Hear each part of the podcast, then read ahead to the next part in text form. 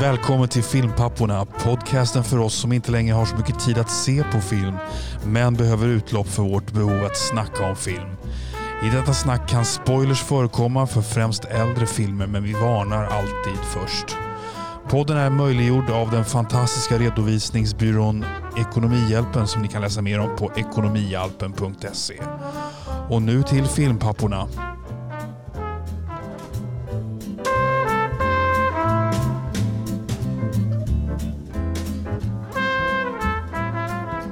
Och det är här jag borde ha förberett ett ljudklipp med Halleluja, halleluja.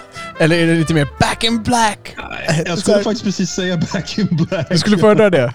Ja, För vem är det som sitter på andra sidan uh, micken här? Det är ju tyvärr inte i samma rum, men uh, som sitter på andra sidan etermicken. Det är...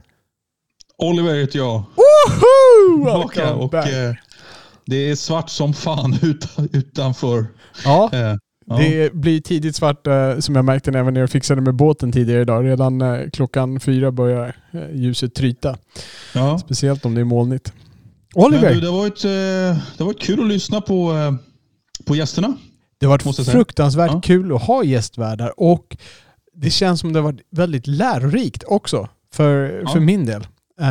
Dels, dels, var, dels har vi, jag- har blivit vana att köra vi två. Sen här, Mm. man får gå tillbaka och se lite sådana rookie-grejer eh, som man gjorde och, och lära sig att hantera det där. Liksom, eh, hur man ska introducera andra och, och föra fram dem. Och så här. Ja, det, det är Mm. mycket som eh, kan plocka upp där.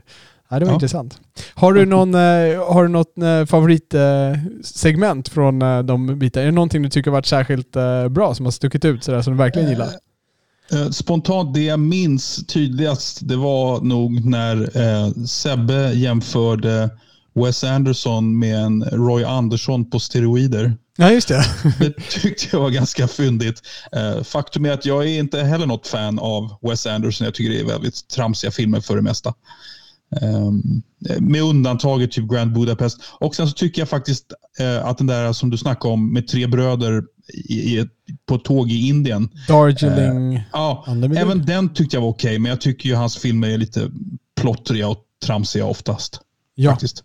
Ja. Ja. men det är bra. Då sitter vi i samma båt på den. Jag trodde du skulle vara Ja. lite mer artsy fartsy och tycka att han är stor och fin. Nej. Du, eh, jag, jag har faktiskt en liten fråga från Mr Bordeaux. Mr Bordeaux som vi gillar, han sticker in lite kommentarer på vår, eh, vår filmpappornas hemsida. Ja. säga.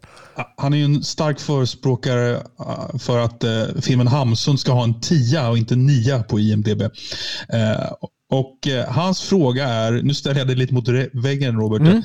Får Oliver biocheckar i egenskap av frågeställare som lyssnare? Nej, det gör han inte. Det, det, var en, eh, det var en bra fråga. Nej, biocheckarna det skickar vi ut till eh, våra externa lyssnare. Vi har inte budget att smörja oss själva ännu, så vi smörjer bara kråset för, eh, för utomstående. Okej, och ta, notan själva. All right. ja, men det är ett ärligt bra svar. Ja. I like it. Ja. Cool. Ja. Eh, ha, har du sett mycket film sen vi snackade sist? Du, det var ett bra tag sedan vi snackade. Jag, har, eh, jag kan komma på två filmer i sin helhet som jag har sett på denna långa period. Eh, det, jag såg eh, Lego-filmen The Flash med min son. Okej, den har, har The Flash en separat egen legofilm, precis som Batman har? Ja, Okej. ja, det var lite, lite överraskande faktiskt. Det var lite så här, vi botaniserade bland och HBO skulle hitta något som var lite kul. Och, och, eh, jag tittade på The Flash och eh, ja, den var rolig. Alla de där Lego-filmerna är ganska roliga. Den, den var inte liksom märkvärdig i förhållande till resten av dem. Det var lite kul. Jag, jag minns inte så mycket, men det var kul och min, min son tyckte att jag skulle nämna det här i filmpapporna också. Så, Såklart. Ja. Ja. Lyssnar din son på filmpapporna? Ja, lite grann. Han tycker... eh, Han, han, säger så här, han tycker det finns en, nu blir det lite meta här. Han har ett, en passage han tycker är kul. Han tycker att det är väldigt kul när jag säger, när jag famlade efter en, eh, en Tom Hanks titel på en film och, och sa Mr Bolla Bolla Smith. Det tycker han var väldigt. Det var höjdpunkten på filmpapporna. och det roliga är att jag vet inte, det där Bolla Bolla skämtet, det är inte som att jag har dragit det, men han fattar att det är något lite kul i det där Bolla Bolla. Så, ja. Exakt. Vi får kanske berätta Bolla Bolla någon gång här på filmpapporna. För, för att, Då blir vi band av hela PK-eliten av alla i framtiden sen. Så, Exakt. Ja, ja. Eh, Men, men sen har jag sett, eh, jag faktiskt gick på bio och såg en runda till som Ah. väl kanske tar en liten recension av.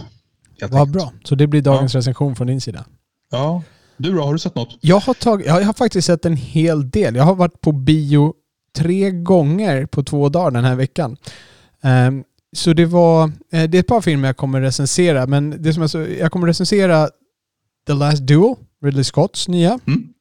Eh, jag kommer recensera Paw Patrol också, för er föräldrar.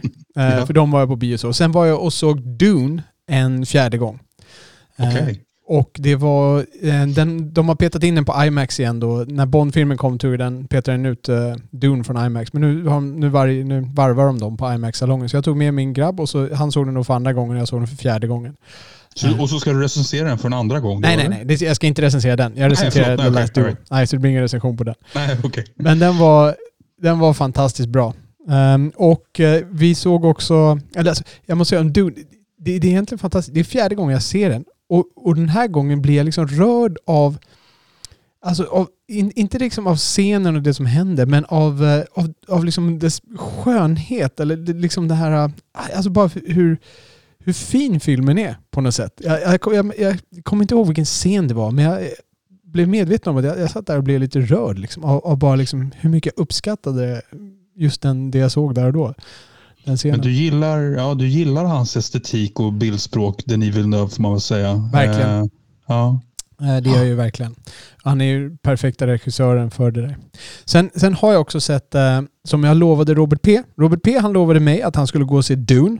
Eh, och jag lovade honom att jag skulle se Touch of Evil. Robert P har levererat. Ja, säg. Oh, Sorry, sorry, förlåt. Vi pratade någon gång, du och jag, om våra så här, bucket list-filmer. De tre filmerna vi ska se innan vi dör. Ja. Och Touch of Evil har faktiskt varit en för mig som du nu hann före att se ja. mig. Ja. Jag sitter redan i din hink med andra ord.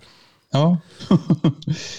Eh, Den var ju, det är ju en, eh, det är en gammal rulle. Det är en Orson Welles-rulle. Det är med Charlton Heston som eh, spelar en, låt oss kalla en tveksam mexikan.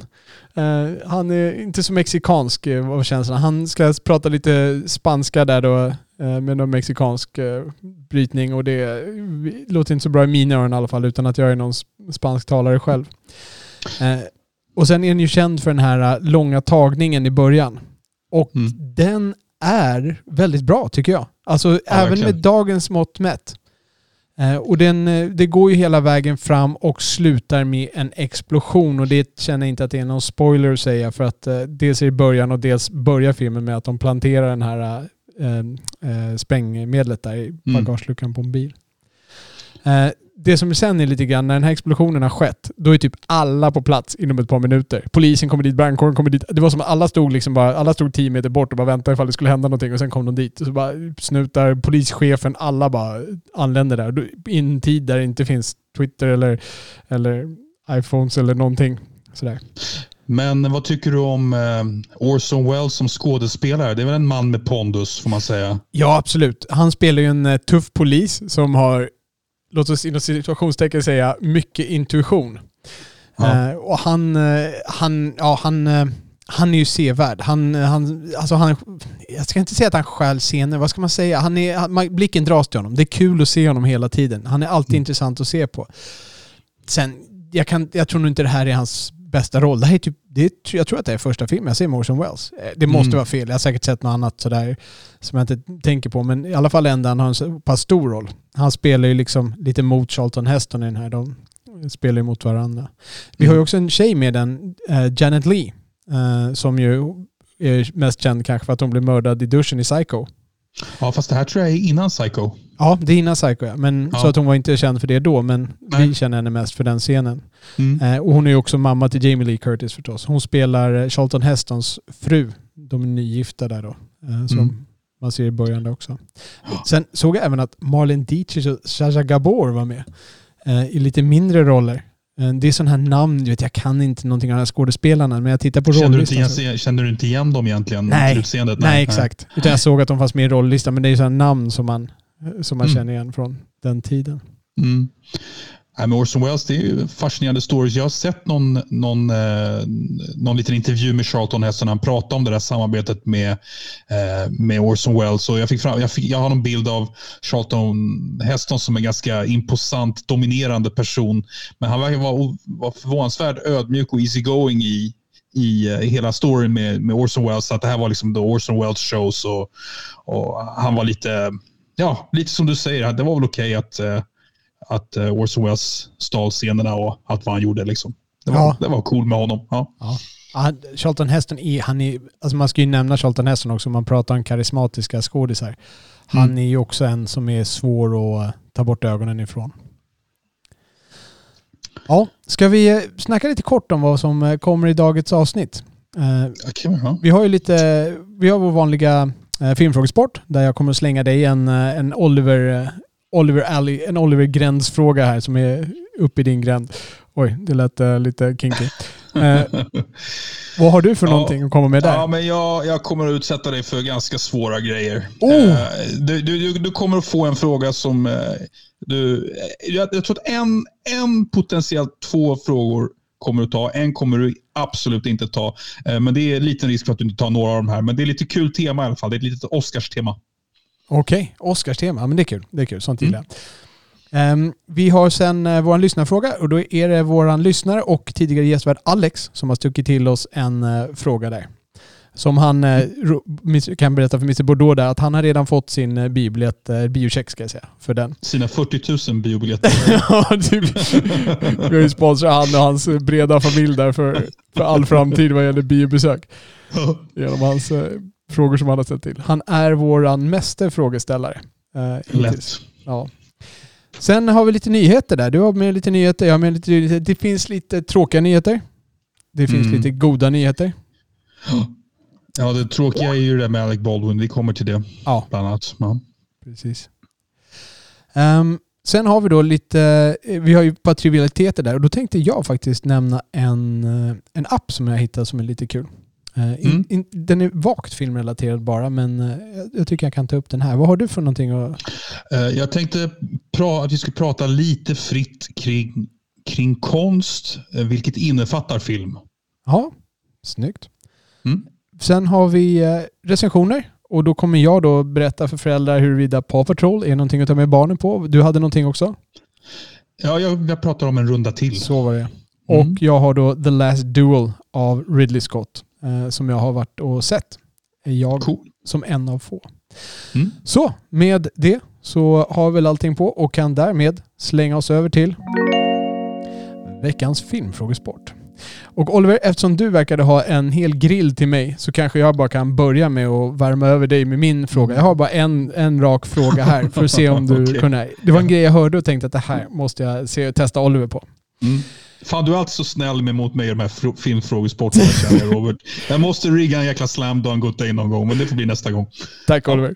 Eh, det skulle vara skönt att få, få höra den där uh, rätt signalen någon gång när jag pratar också. Så vi ska prata om Tarantino.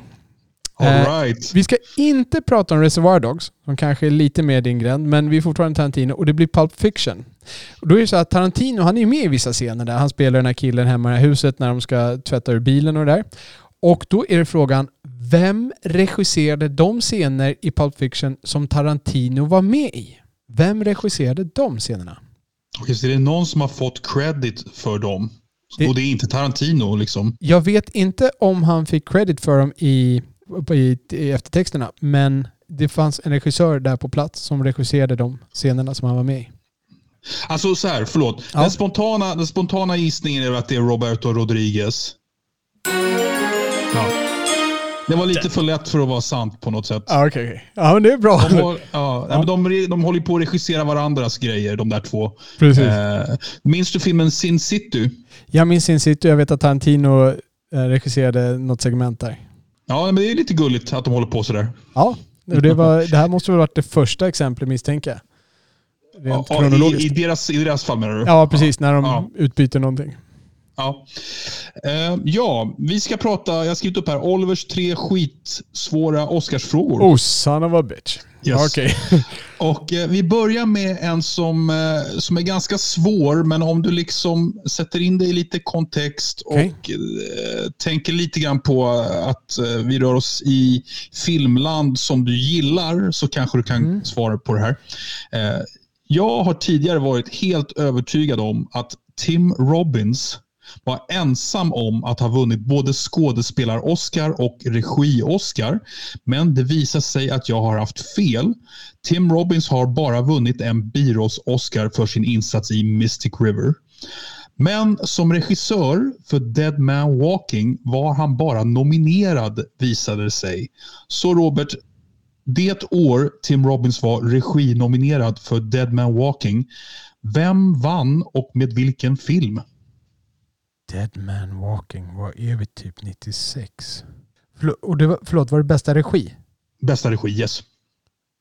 Mel Gibson för Braveheart. Oh yes! Oh yes! jag skulle vilja tacka min mamma som gjorde det här möjligt. Ja. Oh. Är, det, är det typ Yes. tredje gången jag har rätt på någonting genom alla? Det här är avsnitt 63 eller någonting. Ungefär. Ja, men bra. Då kan vi liksom köra resten med ganska avslappnade former här. Ja, vad skönt. Eh, ja, sen är frågan då. Det finns tre regissörer i filmhistorien som har vunnit eh, regi-Oscar två år på raken. Och då är min fråga, vem är den senaste regissören att vinna regi-Oscar två år på raken? Jag kan säga att det är liksom i vår nutid. Okej. Så alltså det är ingen det är 70-tal eller tidigare liksom? Nej. All right. Så två Oscar. Regissör vinner för bästa regi två år på raken. Yes. Ehm, ja, jag kan ju bara tänka mig. Om man säger så här. Jag kan gissa att Spielberg är en av dem. Ehm, och då är det bara frågan, finns det någon senare? Scorsese har ju liksom, han har ju inte vunnit en enda. Nej, nej bästa regi. Han fick väl, eller fick han bästa regi för Departed? Han Nej. fick ju ett till slut, ja. Ah, Okej. Eh, Men det är, jag kan säga Robert, det är ingen av de här gamla titanerna som du och jag håller på att digga Nej. hela tiden. Ah, Okej. All right, vad är det då? Det värsta är att jag har, det finns en sån här, det, bara, det ringer någon liten, liten klocka långt där ute som jag inte kan mer än bara famla efter. Får jag någon ledtråd? Ja, det här är en regissör, jag tror att, att det här stämmer för oss båda. Eh, det är en regissör vars gamla filmer vi tycker mer om än de här nya. Tarantino? Nej, det är inte Tarantino. Okej, vad, vad? Alejandro González Inarritu. Aha, Vet du om det är? Eh, Jag känner igen namnet men jag har ingen Ja. aning. Men, Nej, men han, han, fick, eh, han fick Oscar 2015 för Birdman och 2016 för The Revenant. Ja, ja, ja, ja, okej det är han. Ja. Och han har ju gjort eh, bättre filmer förut i form av Babel och den här Sean Penn-filmen 21 gram och, eh, och även Amores Perros. Lite bättre deppfilmer back in the var day. det han som gjorde Amores Perros? Just det. Okej. Och så gjorde han väl även den där med Javier Bardem som är cancerdöende som eh, Beautiful. Beautiful. Ja. Yes. Eh, Men om du tyckte det här var en svår fråga. Okej, tack. Ja, nu- kom- nu Ska, jag- ska jag stava till hans namn nu? ja, det hade varit någonting. Det hade Ja. inte jag klarat av tror jag, för så mycket Nej. accenter och skit. Jag satt och försökte skava Jan Guillou idag och försökte ja, snubbla runt. Ja. Ja, då är den korta frågan, Robert. Alltså det här är en person inom film. Det finns fler som heter detta, men vem är Tom McCarthy? Det värsta är att det här ringer ju någon klocka också. Fan, jag har så många klockor som ringer i mitt huvud så jag är säkert galen. Tom McCarthy. Jag känner ju till här. Nej. Nej, Tom McCarthy är en mycket begåvad man med eh, ganska låg profil i någon slags kändisstatus. Eh, han vann, eh, förlåt jag skulle ha sagt att det fanns ju ett Oscars-tema även här. Ja, han vann manus-Oscar för filmen Spotlight. Eh, en film som han även regisserade. Okej. Och eh, Orsaken till att jag tycker det är lite kul att, att ta upp den här mannen det är att han, han gjorde ju den här filmen Spotlight som handlar om eh, journalistikens triumfer kan man väl säga kortfattat. Det handlar ju om Boston Globe som avslöjar pedofilnätverk i, eh, i, i Boston. I kortfattat. Boston och sen rullar ut över hela staterna. Ja, precis. Och den här mannen, Tom McCarthy, han är även skådespelare. Och Tom McCarthy spelar alltså en undermålig journalist vid namn Scott Templeton i säsong 5 av The Wire. Oh, okej. Så jag tycker det är lite så kul röd tråd i hans karriär, eller vad man ska säga. Um, och uh, ja, jag vet inte, jag, vi, vi pratade om det här innan. Du har inte sett hela The Wire, men jag säger you are in for a treat. Jag vet folk som tycker att säsong fem i The Wire är lite mindre bra. Jag tycker faktiskt att det är den bästa säsongen. Okay. För att den är lite mer far out i handlingen. Okej. Okay. Ja, jag ligger på mitten av säsong tre där någonstans. Och det har ni gjort i typ tre år. Helt korrekt. Helt korrekt. Ja. Det är nog ganska bokstavligt talat korrekt. Liksom. Ja. Tre år. Jaha, mm. nej, men bra. Jag kommer alltid leva med Braveheart där och jag kommer slå in det i plakat och sätta upp min vägg där. Jag hade ett rätt. Ja, det är bra. Yes. Eh, vi har ju då Alex som har skickat en eh, filmfråga för oss att debattera lite mer. Mm. Eh, och då handlar det om böcker som blir fi film. Han berättar att han har ju bara läst en bok som har blivit film av och det är Ondskan, Jan Guillous bok då. Därav mitt mm. försök att stava till hans namn. Och sen, eh, han förstår dock att kritiken bland filmnördar som läser böckerna och sen ser filmen och då blir eh, att det ofta inte kommer med viktiga detaljer och så vidare. Så frågan är om vi har kollat någon film som baserats på en bok som vi själva läst och vad tycker vi? Uh, har regissören fått med det som vi önskar i filmen? Som till exempel Dune, nämner han då, som han ju vet att jag har sett och gillar. Mm. Uh, så Oliver, vad, vad har du för film där du borde ha läst boken och sett filmen? Jo, jag har ganska många. Får jag börja med att säga en, en liten generell grej om, om böcker versus film som jag har tänkt på ganska mycket. Det är att jag är en stark förespråkare av att man ska se filmen först och läsa boken efter för att det får fler dimensioner i boken. Okay. Eh, och Vilket leder in mig faktiskt på eh, den kanske bästa filmatiseringen som bygger på en väldigt bra bok och det är ju Gudfadern. Ja, just det. Du har läst de böckerna. Ja, det är bara en bok eh, av Mario Puzo och den har ju mycket, mycket mer detaljer. Eh, jag har väldigt svårt att säga om, om boken eller filmen är bäst. Jag tycker jättemycket om de bägge två. Eh, men jag, jag, som sagt, jag är glad att jag såg filmen först och boken sen, för det är så mycket små detaljer man får som en liten icing on the cake när man läser boken. Till exempel, bara en grej som jag minns är att den här äh, filmproducenten som får ett hästhuvud i sin säng mm. filmen. Han är så jädra äcklig i boken. Han är liksom pedofil och allting. Det är sådana där små detaljer man får i boken. Så det är väl äh, den filmatisering jag är absolut mest nöjd med. Hur nära boken ligger den filmen? Alltså jag förstår ju att den sållar och, och fokuserar och sådär, men följer den liksom, är det samma handling, är det samma karaktärer, liksom, ligger de nära varandra? Ja, I stora drag så följer den handlingen, men det är ju lite detaljer. Som jag minns det så är Michael Corleone är eh, blond och har mer av ett Robert Redford-utseende.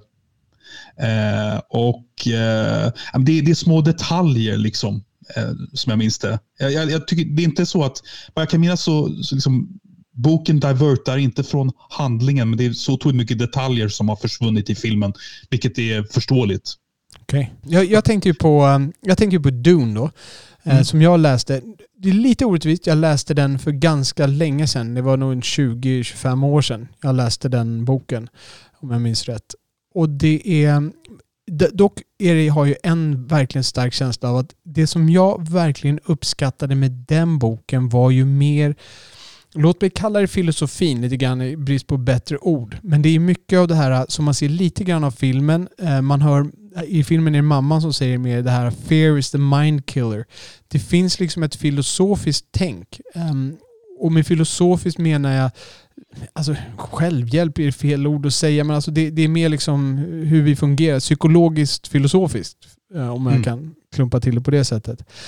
Som jag kanske saknade lite grann i Villeneuves film. Det finns aspekter av det och eh, han, han bygger in en del metaforer. Budskapet finns där till viss del men det är mer, det är mer i, bak, en, i metaforisk bakgrund kan man säga. Eh, och medan i boken är lite, lite mer uttalat. I boken är ju väldigt mycket Pauls tänkande, alltså huvudpersonens, som mm. man saknar där. Så tror, att, du att du, förlåt, tror du att du skulle kunna, hade mått bra av den här approachen jag förespråkar, att faktiskt se filmen och sen läsa boken i den ordningen? Ja, i det här fallet eh, ja. ja. Men det var ju också när jag gick och såg Doom första gången, då visste jag att mina förväntningar var liksom på tok för uppskruvade. Det fanns inte en chans att någon kunde göra den där filmen. Liksom. Det, det, går inte. De har ju kallat Dune för en ofilmbar bok och jag förstår varför. Och man såg ju när David Lynch gjorde försöket där på 80-talet, när han gjorde sin Dune-film, då försökte han ju få med alla de här tankegångarna i form av att det var en voice-over. De, de pratade liksom, man såg mm. karaktären stå och titta och så, så berättade, han vad, berättade han vad han tänkte liksom. Och det, det funkade inget bra och det gör inte det på film.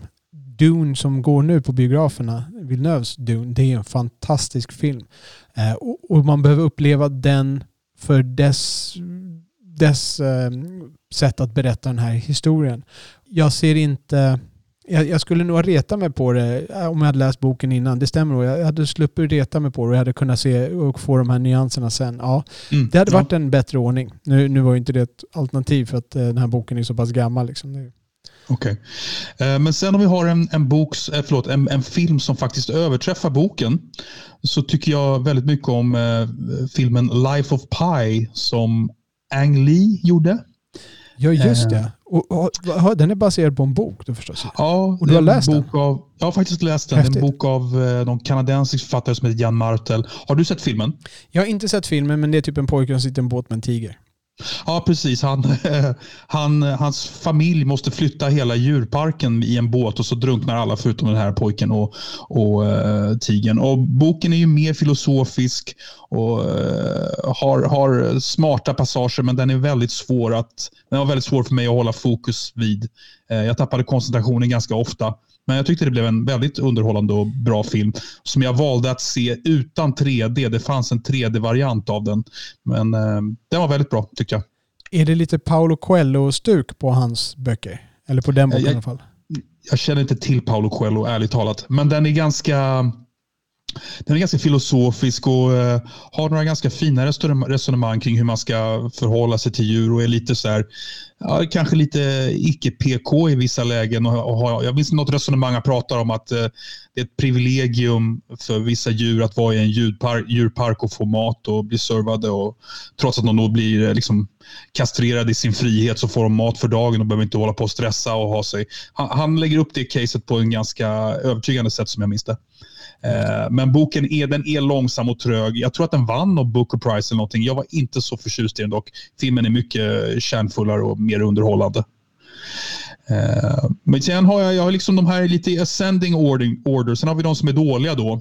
Um, du har boken About a Boy av, uh, vad hette han som var så populär på 90 och tidigt 2000-tal? Nick Hornby, minns Exakt, honom? som även ja. gjorde den här High Fidelity va? Ja, exakt. Ja. exakt. Uh, High Fidelity-filmen tyckte jag var väldigt bra. Ja. Då, har jag dock inte läst boken. Men About a Boy det handlar om en uh, player som lever på pappas arv. Uh, spelad av, i filmen då, av Hugh Grant. Och Den är så slarvigt berättad. De lägger voice-over för att speeda upp allting. dålig. Boken är ganska charmig. Och så här, han träffar någon, någon singelmamma som spelas av Tony Collette. Och, jag säga, Nick Hornby, det är inte fantastisk litteratur, men jag tyckte ändå den var ganska charmig. Men boken där sjabblar, äh, filmen där sjabblar de bort allting tycker jag i berättartekniken. Hugh Grant uh, i huvudrollen, eller hur? Ja, Hugh Grant, uh, Hugh Grant gör inget fel, Tony Collette gör inget fel. Det är bara hur den är berättad som är dåligt. Liksom. En, verkligen en bok som ofta kommer upp när man uh, pratar om som har gjort film och det är Sagan om ringen också. Ja. De har jag ju läst en gång i tiden, um, allihop, alla, alla tre böckerna.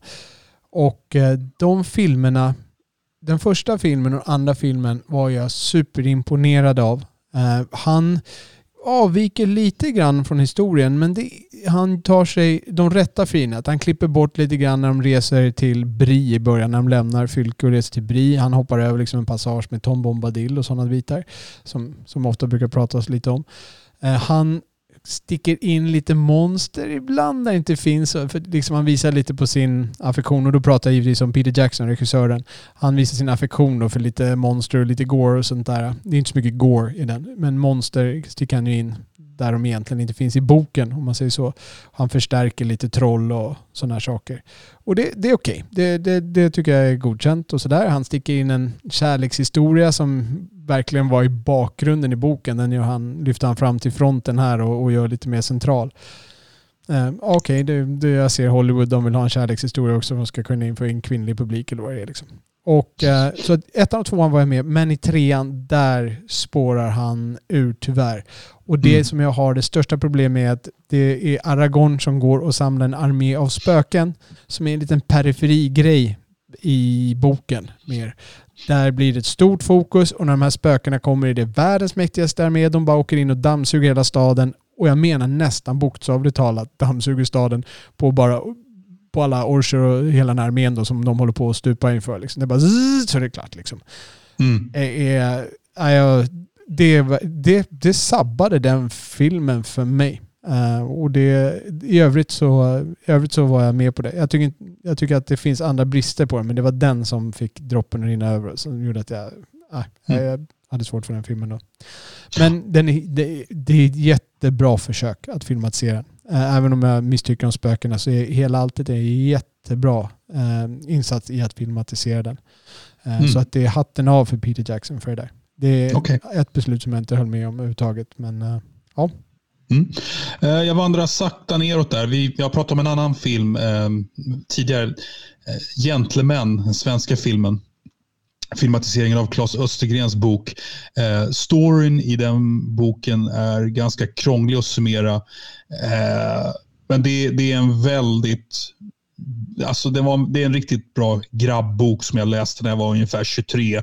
Som handlar om, alltså Claes Alt- Östergrens eh, författare alter ego i den här boken träffar två bröder som, som lever med diverse livslögner och what have you. Och eh, den är, det, det är en, en eh, boxartyp eh, med lite så här, när jag läste boken Eh, så fick jag en sån bild av honom som en så lite kille med lite så ung Marlon Brando-aura, eller vad man ska säga. Vet, blond och stilig och lite välbyggd och charmig och lite plump och sådär. Eh, men de har gjorde världens konstigaste karaktär av honom i den här filmen. Spelat av David Dencic som är en väldigt duktig skådespelare i övrigt. Eh, men här var det bara så här jättekonstig, introvert karaktär. Alltså hela filmen är jättedålig, men det jag minns mest från filmen är hur otroligt illa gestaltad karaktären är av David Dencic, tyvärr. vad är det för årtal på den här filmen? 2014. 2014, okej. Jag har missat den helt. Jag känner inte igen titeln överhuvudtaget. Ja, du, har inte miss, du har egentligen inte missat Nej. något. Eh, nej. Eh, ska jag ta en till eller har du något mer? Jag har ju, jag har ju Stephen King har ju en hel hoper. Jag läste ju mycket Stephen King i min ungdom eh, innan jag hoppade av det tåget och kände att man, det var lite samma historia som tuggar runt där. Mm. Eh, och där finns många djurkyrkogården såg jag. Eh, och den första filmen, jag har inte sett den andra filmen utan jag såg den första filmen. Och eh, den lever väl upp till boken ganska okej. Sådär. Det är ingen fantastisk bok. Jag tycker inte Stephen King är så fantastisk. Just, det, jag skulle precis fråga det. Jag tycker mig ha hört någonstans att Djurkyrkogården är en av Stephen Kings generellt sett betraktade bäst böcker. Eller en av de bästa filmerna. Jag tycker mig ha hört någonting om just Djurkyrkogården faktiskt. Eh, ja, jag ehm, vet inte riktigt uh, fiska efter, men eh, alltså det, han har ju andra filmer. Alltså, jag menar, han har ju Gröna milen. Han har ju... Ja. ehm, Ja, då kanske det var boken. Jag, jag tycker mig ha hört att, Ja. att just boken har hög status bland Stephen Kings böcker. Ja, Okej, det är ingenting som jag känner igen. Sådär. Nej, Jag tror inte, okej. alltså den, den har säkert, det, det är ju säkert topp över halvan, men jag tror inte att det är topp eh, top fem eller något sånt där, kan jag inte tänka mig. Så, jag har svårt att tänka mig det fall, för den boken är inte så fantastisk. Eh, det, är en, eh, det, det, är en, det är en bra historia som, tre, där tredje akten inte är så stark bara. Mm. Eh, It. Jag såg den gamla It med Tim Curry som väl egentligen är en tv-film, tror jag, i Ja. ett par delar. Och den, ja, det, den, den var som den var. Jag tycker den var ganska okej. Tim Curry är ju alltid underhållande att se på, är med. Mm. The Shining. Den boken avviker ju en del från filmen. Filmen är ju verkligen en lite, alltså Kubricks film, är en lite lösare adaptering av den och det, det är ju lite känt där. Medan boken fokuserar ju mycket på det här shining, på den här förmågan och sånt där och på, på han, att han har liksom en lite magisk kraft, den här sonen.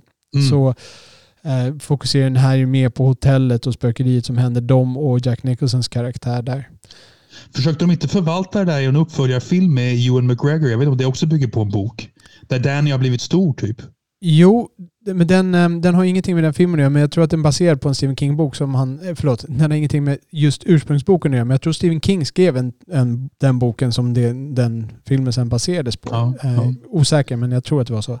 Däremot så gjorde de ju en tv-film som Stephen King var inblandad i med han som jag inte kommer ihåg namnet på som spelar med i parodin på Dracula. Dracula död levande så spelar han den här Oh Lucy säger han han slår hjärtat i hennes uh, hjärta och, eller nej, när hon visar brösten där. Sen slår han hammaren i hennes hjärta och får blod på sig. Om någon vet vem, vad han heter. Han är, är, med är, är, är, det här, förlåt, är det här är det, det våras för Dracula? Eller? Ja, nej? precis. Han, han, ja, som, är han, som var med, han är med i en tv-film som de gjorde, The Shining, som är mera trogen boken. Men den är inte särskilt bra. Det är billiga effekter och sådär. Jag tycker om, jag har, ju inte, jag har inte så mycket att snacka om när det gäller filmer som jag även har läst boken för när det kommer till Stephen King. Men jag tyckte ju om filmen The Dead Zone. Även om jag tycker att liksom premissen är jävligt korkad så gillar jag den. Den skiljer sig ganska mycket från boken också om jag minns rätt. För det är också en som jag både läst och, och sett. Mm. Det var verkligen olika stuk på den där, vill jag minnas. Och jag tror de slutar olika också. Minns jag bara vagt. Okej. Okay. Ja. Har du med? Ja, alltså sen har vi ju då um, en, en film som jag tycker är värd att nämna för att jag stängde av den. Eh, och det är alltså, det finns en fantastisk bok av Philip Roth som heter The Human Stain. Och den gjorde de som film för en 20 år sedan med Anthony Hopkins och Nicole Kidman. Och det låter ju väldigt bra, eller hur? Mm. Ja, det, det, det, liksom, det, det, borde bli så bra. Samtidigt var jag medveten om att det finns grejer i boken som inte går att återskapa på film. Eh, och filmen den tråkade ut mig så mycket så att jag stängde av efter 15-20 minuter. Eh, The Human Stain, det är... Eh, The Human Stain har en en litterär kvalitet, den, den, har, den gör alltså någonting som inte går att göra i någon annan konstform, skulle jag säga. Det finns, eh, det finns surprise-element som inte går att återskapa eh, på film eller teater eller what have you. Eh, men så att, jag, vet inte, jag, jag, jag var inte direkt överraskad eh, att filmen var dålig, men jag var ändå besviken. Så det är delar som överraskar som man har svårt att återskapa från bok till film? Ja. Eh, jag vill inte avslöja det hela. Nej, jag förstår det. Boken, ja. ja. jag blir nyfiken. Är ja. det en bok värd att läsa generellt? Ja, jag tycker det. Jag tycker eh, det är nog den bästa boken av Philip Roth jag har läst. Okej, vad mer har Philip Roth skrivit för de som inte är så bekanta med hans namn? Eh, alltså han, var väl, han hade väl... Vad är han mest känd för? för? Ja, men han är ganska känd. Eh, han skrev alltså någon slags trilogi eh, eh, som hette... Han gjorde en bok som hette American Pastoral som också filmatiserades av Ewan McGregor. Han gjorde en bok som hette I married a communist. Han har enorm body of work. Han dog för några år sedan. Mycket av hans böcker handlar om här, gamla professorer som blir kåta på någon ung kvinna om man ska vara lite elak och liksom generalisera lite kring honom. Men det finns eh, briljanta grejer i hans böcker, skulle jag säga. Cool. Han, gjorde, han gjorde även eh, en bok som heter The Plot Against America som de gjorde en mindre bra tv-serie av med Winona Ryder och John Turturro. Ja. Okej. Okay. Ja. Låter som att jag får plocka upp The Human Stain. Och, eh, ja, det tycker jag du ska göra. Det tycker jag ska göra. Det var 20 år sedan jag läste den, men den var, den var helt fantastisk då. Det var kul att höra om du tycker den är bra så här 20 år senare. Ska jag lägga till det på min boklista efter att jag har läst om Dune? Ja. Du, jag har en sista bok som, eh, som jag har på min bucket list när det kommer till filmatiseringar och det är ju Schakalen, The Day of the Jackal. Den boken är helt fantastisk. Det är ju Frederick Forsyth som har skrivit en bok om en eh, hitman som får i uppdrag att mörda president de Gaulle. Och det är ju så här, man vet, du, man vet ju hur den kommer sluta liksom. Men det är så jädra spännande och så mycket detaljer och grejer. Och den filmen är ju erkänt bra också. Den som är från 70-talet, inte den som är med Bruce Willis och Richard Gere sen. Utan, eh, han ska skjuta en senator istället tror jag. Eller något här. Vad sa du? Jag tror han ska skjuta en senator istället i USA eller någonting sånt. Ja, Bruce Willis. Ja. Precis. Det finns en eh, brutal scen i den filmen. Eh, okay. med, med Bruce Willis och Jack Black av alla människor. Okej, okay, innan han var känd typ? Ja, det kan man ja. säga. Typ, när han mm. höll på att bli känd. Okay. Jag, jag avrundar min lista med den, det sämsta exemplet jag har. Eh, ja. Det är en bokserie som jag...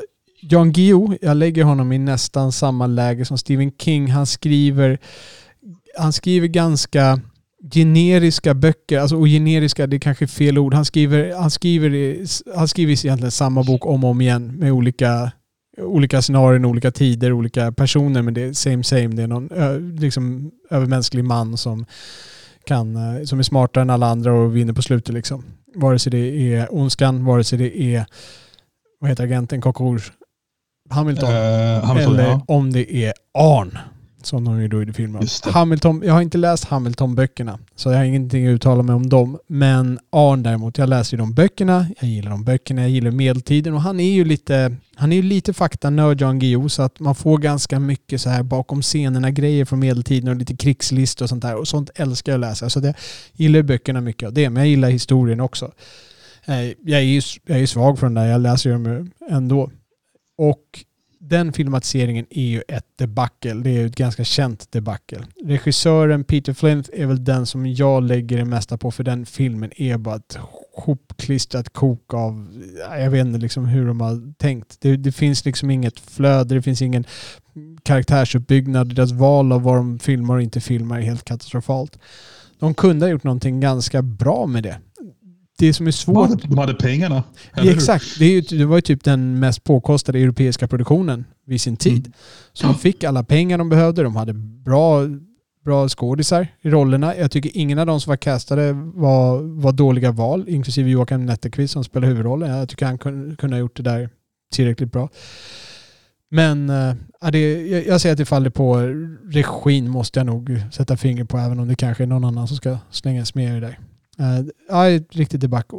Det, är synd. De, den kunde ha börjat liksom, de kunde bara visat när han växte upp på det här. De kunde ha haft vackra miljöer. Det som blir problematiskt film, filmmässigt där är ju att böckernas tempo ändras ganska mycket från den första boken där det är liksom, han är ung och han bara, liksom, han, det är mycket naturen, han åker till klostret och det är sådana här saker. Det händer inte så mycket som är intressant att se på film utan där är det mer intressant att se vad som händer med karaktären inombords. Mm. Medan sen i de senare böckerna, då är det ner, då är det fältslag och krig och intriger och politik och ba, ba, ba. Så det är väldigt skild, liksom, eh, det som händer det trissas upp ganska mycket, tempot och, och eh, bredden liksom, storleken på det som händer. Mm. Ja, Ja, men det var en gedigen lista vi kom med. ja, det tycker jag med. Och det, det var verkligen, som vanligt så kompletterar vi varandra ganska bra. Du kommer lite Philip Roth, jag kommer lite Stephen King här. Ja. Vi Absolut. tackar Alex för eh, den här lyssnarfrågan. Alex har som sagt redan fått sin eh, biobiljett och jag hoppas Alex, om du lyssnar på det här, att du har varit och sett Dune nu. Att du tog med din kompis Erik där. Du fick två biocheckar så att eh, du kunde ta med Erik även och gick och såg Dune. Vi ska prata lite mer om Dune sen när vi kommer till nyheterna också för jag, tar, jag missar aldrig en chans att eh, prata om Dune. Så låt oss därför glida över till veckans filmnyheter. Ja, ska vi börja med det största som vi har hört på ett halvår eh, i form av någon slags nyhet i alla fall. Det är ju den här Alec Baldwin, jag ska inte skratta, det är hemskt. Den här Ja. Alec Baldwin-incidenten. Ja, precis. Är, är du insatt i vad, hur det gick till, det som hände?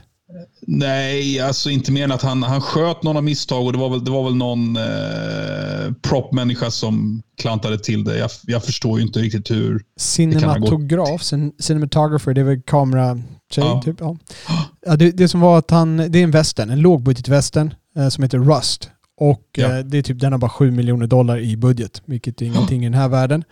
Eh, Så Baldwin han står framför kameran och står och liksom förbereder sig inför en tagning. Då, så han, okej, så, så då ska jag dra upp den här så skjuter jag så här och så liksom drar han upp den och skjuter då för att visa och pangar iväg. Det är bara det att då är den eh, skarpt laddad. Så han skjuter kameratjejen, kulan går igenom kameratjejen och träffar även regissören. Men Kameratjejen... förlåt, förlåt. Det här måste jag fråga. Ja. Varför är en jäkla pistol skarpt laddad i de här settingen sen? Ja, det, det är ju det som är mysteriet som vi kommer till, eh, kommer till sen. Eh, för i alla fall, det, det som hände var att han sköt alltså genom henne, träffar regissören. De åker, de kör iväg dem till sjukhus men regissören, förkla- eller förlåt, kameratjejen förklaras död. Regissören är bara mildare skadad och eh, kan lämna sjukhuset ganska snabbt. Och precis som du säger, det ska ju inte finnas några skarpt laddade vapen här och det här är ju sånt här som är nu uppe till debatt vad som har hänt. Nyligen så kom eh, advokatläger då för hon som är armorer, heter det, jag vet inte, vapenmästare kanske man kan kalla det på svenska. Mm. Eh, där då, för det ska finnas en ansvarig armor, en ansvarig vapenmästare på produktionen när man har vapen och den här personen ska då visa de, som jobb, eller de skådespelarna hur man använder vapen säkert, de ska se till att vapnen är säkra etc. etc. Och eh, hon, hon är nu på något sätt misstänkt eller anklagad nu för någon sorts försummelse i det här. På engelska heter det involuntary manslaughter. Det är om, man, om någon dör på grund av ens egen försummelse eller klumpighet eller någonting sånt där. Någonting som borde Mm. kunna undvikas. Och den här eh, advokaten eh, sa att eh, det här, det här måste vara någon som har varit inne och mixtrat med det här för det ska inte finnas någon skarp ammunition överhuvudtaget på den här inspelningen. Det ska bara finnas lösa rundor liksom. Så man får väl se vad, vad det är där. Men det, det är mycket som är... Det, runt den här inspelningen så var det redan stormigt. Det var många som hade klagat på sådana här saker som att det var dålig lön, de långa arbetstider, det var övertid, boendet var katastrofalt. De eh, åkte dit, hade blivit lovade att få bo där på platsen men då hade de skaffat något ställe flera mil bort som han bara, liksom, de var tvungna att åka flera mil för att sova och sen åka tillbaka så de fick lite sömn och sådana här saker. Därtill så hade det tydligen enligt uppgifter redan skett ett par misstag med just eh, att det hade gått av skarpa rundor. Det var någon som skrev att det var three misfires för att eh, kommentera komplettera det. Hade de skickat något meddelande till någon producent eller vad det är. Så att det här det var redan en ganska skakig inspelning där det hade hänt. Därtill så fanns det en assisterande regissör, assistant director, som heter David Halls. Och han är redan, han har redan varit i lite blå, blåsväder. Det finns någon film som heter, jag tror den heter Freedom's Path eller någonting. Där det var en arbetare som blev skadad. Där han var, skulle då vara ansvarig för det här. För där hade de ingen armor utan han skulle ta hand om det också. Eh, Det var någon arbetare där som fick någon öronskada. Och han fick sparken från den om jag förstod det rätt. Okej. Eh, Och hon som var armor där, hon är också, det här var hennes andra jobb någonsin. Eh, hennes andra gig liksom som armor. Och därtill skulle hon både vara armor och prop assistant, alltså ta hand om rekvisita, assisterade och ta hand om rekvisitan. Eh, hon har också varit med i lite intervjuer som visar på bristande kunskap eller bristande engagemang kanske man kan säga. Så det är många saker kring den här filmen som ser skakigt ut. Allting var ruschat, regissören stressar på, det skulle bara snabba, snabba, snabba, snabba liksom. Ja, min, jag undrar ju faktiskt mest hur Alec Baldwin mår. Det var inte hans fel, men det var han som tryckte av. Eh, det kan inte vara kul. Nej, Nej det, det måste vara helt sjukt. Alltså det, Mm. ja, det, ja, det känns helt galet. Jag kan inte sätta mig in i stövlarna. Hur skulle det kännas? Får jag surfa vidare på lite dödstema? Absolut. Eh, två eh, män som har dött. Eh, en skådespelare som hette Val DiZolio, 95 år gammal. Tv-skådespelare med lite så här Italian wise guy-utseende. Han var med lite i Quincy, han var med lite i Sopranos. Eh, men framförallt så spelade han John Travoltas pappa i Saturday Night Fever. Har du sett Saturday Night Fever, Robert? Nej. Nej. Har du sett fragment av den flimra förbi, eller? Jag har ju sett senare klipp och så. Ja. Ja, men det, jag tycker det är en, en fantastisk film. Jag, för mig är det en, en film, det, det handlar inte bara om att det är coola dansscener. Det är faktiskt en bra film om en, en kille som är fast i Brooklyn och inte kommer någon vart och lever ut sina drömmar på dansgolvet. Men han är då Travolta bor ju hemma hos sin familj fortfarande. Han är väl 22-23 år och det är en Italian American familj med, med ganska bitter pappa som blir arg på honom. Det finns en sån här klassisk scen som sägs att John Travolta, John Travolta säger själv att han adlibbade den. Eh, han har liksom eh, förberett sig för kvällen på disco och så ska de äta italiensk middag innan då hela familjen. Och så blir pappan arg på honom och lappar till honom i bakhuvudet. Och då säger John Travolta, just watch the hair. Och det är så här, pa pappan håller på att förolämpa Ja, honom på alla möjliga sätt, men enda han blir ledsen för det you know, I spent a lot of time on my hair and you hit it. Det är här klassisk scen med Mr. Bisolio. Jag tror du har skikkat mig det klippet. Jag känner igen det där. Ja. ja. Jag måste gå och titta Eh, men på han dog, ja, förlåt, han dog i alla fall 95 år gammal, rapporterar eh, The Obituaries från New York Times, som är en fantastisk sida om man vill allmänbilda sig och hänga med i lite utveckling och sådär. Eh, en annan man som har dött, också från New York Times, det är en man som du nog kanske har en tydligare intresse för, om man ska säga Robert. Det är ju en man som hette, hette George Butler och han regisserade dokumentärfilmen Pumping Iron. Ja, just det. Med Arnold där. Om Ja, Arnolds eh, Mr Universe-dagar. ja. Ehm, han var, skildrade bodybuilding-scenen lite som journalist ihop med en annan snubbe innan det blev en film av det hela. Eh, jag tittade på hans eh, resumé i övrigt. Det var inte sådär jätteintressant, men tyckte jag. Men eh, Pumping Iron är ju en charmig, faktiskt ganska rolig film, tycker jag. Jag var positivt överraskad när jag såg Pumping Iron. Det, det var ju du som lurade på mig att se den där. Jag tänkte ja, jag får väl titta på den där. Men det, det var en, den var bra. Den Ja. gav också en inblick i bodybuilding. För det, det är ju någonting jag... Alltså jag, har, jag har ju bara avfärdat det där. Men då förstod jag mer konsten i det. Och, och, och Ja. jobbet och jag, jag ser vad de strävar efter. Det är inget Mm. ideal jag skulle vilja leva upp till men jag, jag ser liksom hantverket och, och, och konstformen Mm. det faktiskt är. Och jag måste säga att jag är inte heller någon fan av bodybuilding, men vilka, vilka perfekta gener för bodybuilding som Arnold Schwarzenegger måste ha haft. Alltså hans midja är ju så jädra smal jämte resten av kroppen. De flesta bodybuilders de blir bara stora och bulkiga all over the place, men han hade någon slags sinnessjuka proportioner som väl de är lite extrema, men sett ur en slags bodybuilder-perspektiv så är det ju helt fantastiskt att han hade den där, de där breda axlarna och den där smala midjan, eller vad man ska säga. Han var ju verkligen skapt för det. Ja, ja, verkligen. Och han hade ju karis du pratar ju mycket om hans karisma. Han hade ju mer karisma än resten av alla de där bodybuildersen också. Amen. BBC har rankat de 100 bästa tv-serier- tv-serierna of the 21st century. Oj, Och eh, gissa vilken som kom etta? The Wire. Ja, det är The Wire. Jäklar, är den bästa. Alltså den, den Ja. är ju ofta höjd till de skyarna av många. Och det, det blir mycket Wire, Wire-grejer Ja. på det. Jag kommer att komma in på det lite i min trivialitet också. Ja, det var kul. Nej, men alltså, den, är ju, den, den är ju faktiskt fantastisk. Jag vet många som har gett upp för att den är ganska trögstartad i början, men den blir ju bara bättre och bättre. Sen är det lite Mad Men och massa andra grejer som inte jag har sett. Eh, Jag är inte så jätte... Jag är inte så jätteöverens med den här lis- listan i övrigt faktiskt. Kan, kan, du, Ehm, kan du läsa upp topp fem i alla fall? Då ska vi se.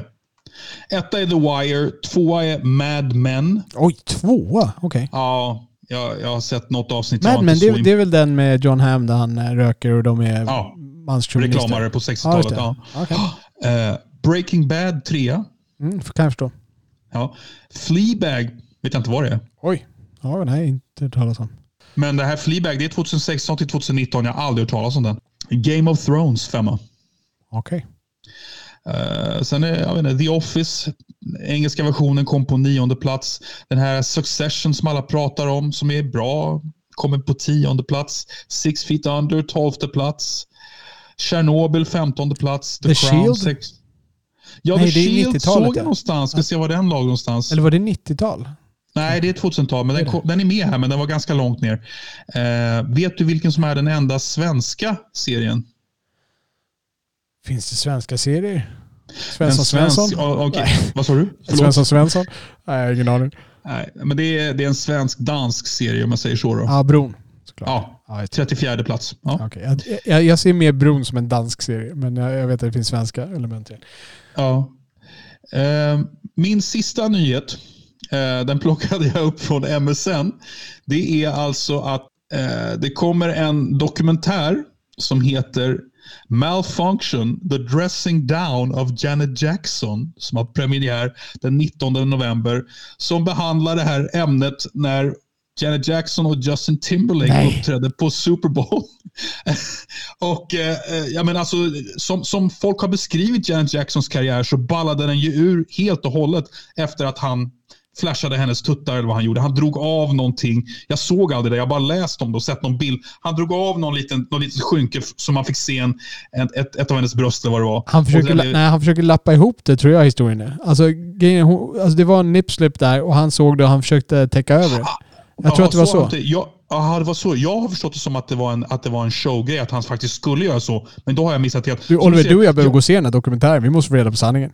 Ja, ja. Nej, men alltså, jag, jag tycker jag har hört så mycket om det här och eh, liksom, jag har bara läst små fragment av det så att nu är det dags för mig att få eh, reda på sanningen om detta väldigt viktiga moment i världshistorien. Alltså, Jag är ironisk. Ja. Ja, jag förstår, att- jag förstår helt klart att du är ironisk. Men jag är, jag är bara så fascinerad över hur de kan göra, hur, hur det här fortfarande kan vara en grej. Det är väl bara en kul grej. Vad är det liksom? Shit. Alltså, det- hon visade att hon hade det- bröstvårtor liksom. Hon har säkert... Ja, det, är, det är väl lite så här, det är väl lite så här, det är, väl, det är en sorglig mänsklig historia. Ja, sen så ballade hela Janet Jacksons karriär ur, men den hade ju ballat ur innan skulle jag säga egentligen. Ja, vad, jag vet inte. Vad var hennes senaste hit liksom? Nej, eh, det var väl, hon hade ju eh, något album som var ganska framgångsrikt där, typ år 2000. Men eh, det är länge sedan. En av Janet Jackson-låten jag kommer ihåg det är typ Nasty Boys. Sen, ja, det är 80, 1986. Exakt. Och så hade ja. jag en singel också. Fan, hur, hur, kan du komma ihåg 1986? Hur kan du komma ihåg ett årtal på Nasty Boys? Hade du sagt 83 eller 98 så hade jag köpt båda två liksom. Ja. ja. Nej, det är helt säkert. Ja. Ja, men det är bra. Den där dokumentären får gå och se. Vi måste komma till mm. botten med det här nippsläppet. Ja. ja. Nu, Bra, Oliver. Ska du rappa upp med något uh, glädjefyllt? Nu är det dags. Oliver, kan, kan, kan vi stämma in här nu, nu som de två uh, sopraner som vi är. Kan vi stämma in i halleluja? Kom igen. Halleluja. Ah, jag vet inte ens om vi sjunger halleluja. För halleluja. Halleluja. Halleluja. Absolut. Okej, okay. Oliver. Dune får en del två! Ja, det är bekräftat nu. Woho! Ja, All det är right. bekräftat. Den har fått ja. Eh, grönt ljus. Den har ju gått ganska bra på eh, bion eh, och det har varit i linje med vad de förväntade sig. Men när man säger att det är i linje med vad de förväntade sig så är det vad de förväntade sig innan pandemin kom. Så den har alltså levererat, i, i dags dato så har den dragit in 73 miljoner i Nordamerika, 228 miljoner internationellt för totalt 301 miljarder då sett över hela miljoner, världen. Ja, ja. ja miljoner do, US dollar då förstås. Mm. Eh, så att det är, det är riktigt bra den här filmen är ju också, den är ju lite nischad. Den är ju lite svårmodig. Det är inte Marvel det här, så det är inte en sån här film man förväntar sig ska gå och dra in en, en miljard dollar liksom. Utan eh, det här är bra siffror för den här filmen, speciellt med tanke på att det är lite pandemi och mm. med tanke på att den streamar i USA. De både släppte den på streaming och bio samtidigt. Vilket ju snor ja, från biointäkterna. Ja, den, den, ligger ju på, den ligger verkligen på HBO Max här i Sverige också. Ja, den gör ja. det. Jag, jag fick ju höra det där. Dock ska ju sägas att HBO Max kom till Sverige efter att Dune hade haft premiär. Ja. Så Dune fick eh, solo på bio där ett tag i alla fall. Sen har de inte skyltat med att Dune finns med på HBO Max, vad jag har sett i alla fall. Eh, så de kanske gör, gör den en tjänst på det sättet. Eh, jag rekommenderar dock alla som vill se Dune att se den på just bio. Den här filmen är en film som upplevs på bio, till och med kanske på IMAX. Det är inte superviktigt att det är på IMAX, men definitivt på bio. Det här är en, eh, det här är en visuell fest så att säga. Så se den på bio. Okej. Okay. Så det var glädjen. Och den kommer alltså 20 oktober 2023 är premiärdatum på del två så att det är lite mindre än två år kvar och vi för en nedräkning. Jag och min son har redan tummat på att vi ska gå och se den och försöka få biljett till premiären. Okej, okay. kul. Bra. Ja. Ska vi trivialisera lite? Yes, vill Va, du vad har börja? Du? Ska... Ja. ja. Trivialisera du Oliver. Vad har du för trivialt? Uh, jo, nej, men jag tänkte vi skulle prata lite generellt om konst. Var riktigt svårmodiga och konstnärliga. Okej, okay, för att, att Marvel-filmer är inte konst? Nej, det var faktiskt inte så jag menade. Nej. apropå eh, de här stereotyperna vi gillar att leka med, du och jag. Låt oss leka. Eh, ja, nej, men det finns alltså ett citat som gör sig bättre på engelska som, som bland annat Picasso tillskrivs. Det har väl sagts Eh, jag vet inte vem som har sagt det här från början, men det är ett ganska vedertaget begrepp i konstvärlden. Och det är då det här begreppet Good artists copy, great artists steal. Ja, just det. Det har hört. Jag tycker, jag vet inte, eh, det tog mig ett tag att liksom graspa det konceptet, kände jag. Men, men hur, hur tolkar du begreppet? När man kopierar, då är det mer uppenbart. När man stjäl, då mm. tar man någonting egentligen, men man gör det till så eget på ett så sätt att det blir ens egna grej. Det blir hans grej liksom. Mm. Eller hennes. Oh, eh, jag skulle säga att man, man, man nästan man överträffar det man har stulit. Skulle jag kunna säga. Precis. Jag skulle kunna säga att Tarantino stjäl. Ja. Jag säger inte alltid att det är Grace, men han stjäl ju från andra genrer. Och han skär ju med ganska öppen ridå. Mm. Eh, Men, han, han är ännu bättre när han inte skäl, skulle jag säga. Alltså det, det är liksom, jag, jag vet inte, man vet inte. Jag vet inte, jag har inte sett varenda film han har sett, så att jag kan inte riktigt uttala mig om. Men jag tycker ju att när han gör små hommage till gamla westernfilmer och sånt, då tycker jag det är ganska tramsigt. Jag tycker han är bättre när han visar coola killar i stan som pucklar på varandra. Men det är ju mycket möjligt att han själv, han kanske själv bättre då. då. Jag, vet, jag vet inte. Alltså om man säger Reservoir Dogs, den är ju typ, den är nästan handlings bit för handlingsbit stulen från en Hongkong-rulle. Som ja, annars en, film av Ringo, en film av Ringo Lam. Ja. Så kan det vara. Uh, ja. Nej, men, uh, ja, men han, jag, jag, han har ändå... Inf, även, dialogen som han har stoppat in i den filmen, den har han inte tagit från någon annan känner nej, jag. Uh, nej. men jag tycker det var lite intressant det här med good artist copy, great artist steal. Det finns andra som hävdar att man har sagt good artist borrow, great artist steal. Eh, men jag, jag, skickade ju ett... Eh, jag skickade ganska mycket musikklipp till dig. Och eh, då skickade jag en liveversion av Keith Jarrett när han spelar den här irländska låten Danny Boy. Och du tyckte det var ganska pretentiöst att säga och jag tycker inte heller att det är så jättebra. Eh, Keith Jarrett har ju gjort en del helt magisk musik där jag tycker han känns väldigt egen. Men i denna låt som jag skickade till dig så är det ganska uppenbart för mig att han bara lånar av Bill Evans. Liksom låtvalet, det här äh, sentimentala, vackra anslaget. Det är inte dåligt, men det känns väldigt mycket som att han bara imiterar Bill Evans där. Eh, men så försöker jag komma på eh, någon som verkligen har stulit, alltså som har tagit influenser och gjort det fan så mycket bättre. Och då landar vi återigen i en regissör som jag har lovordat som heter Paul Thomas Anderson. Eh, Paul Thomas Anderson har öppet sagt att jag har gjort så mycket tributes och lånat så mycket av Robert Altman. Jag, jag, står för det hands down. Jag parafraserar. Det har han sagt. Och Magnolia är ju en sorts hommage till eh, Robert Altman. De här filmerna med många handlingar. Robert Altman har gjort ganska många sådana. Han gjorde ju Nashville på 70-talet. Han gjorde... Shortcuts. Eh, shortcuts. Jag skulle säga att filmen The Player har lite sådana inslag. Du har den här modefilmen som heter Pret-à-Porter han har gjort ganska många sådana filmer och Robert Altmans filmer är alltid väldigt pleasant viewing. Jag är en stor fan av Robert Altman, men Paul Thomas Andersons Magnolia kickar alla Robert Altmans filmers ass. För att han för in betydligt mer känslor i Magnolia än, än vad någon Robert Altman-film någonsin har förmedlat. Så där har du ett klassiskt case av a great artist who has stolen, skulle jag säga. Jag håller helt med dig om att han har verkligen, han har ju någon sätt han får in mera mer medkänsla för karaktärerna. Jag lever mig in mycket mer i karaktärer och i alla karaktärer. Ja. Typ i Magnolia finns det ju ingen karaktär egentligen som jag är ganska ointresserad av. Inklusive Nej. han som visar var Tom Cruise pappa som inte får så mycket skärmtid och, och ändå han, han, gör inte så mycket men ändå lyckas de förmedla någonting. Jag känner ju medlidande för honom sen när han får en hjärtattack på slutet där. Liksom det, ja. det är bara nej, liksom. jag vill inte se honom sluta sådär. Nej.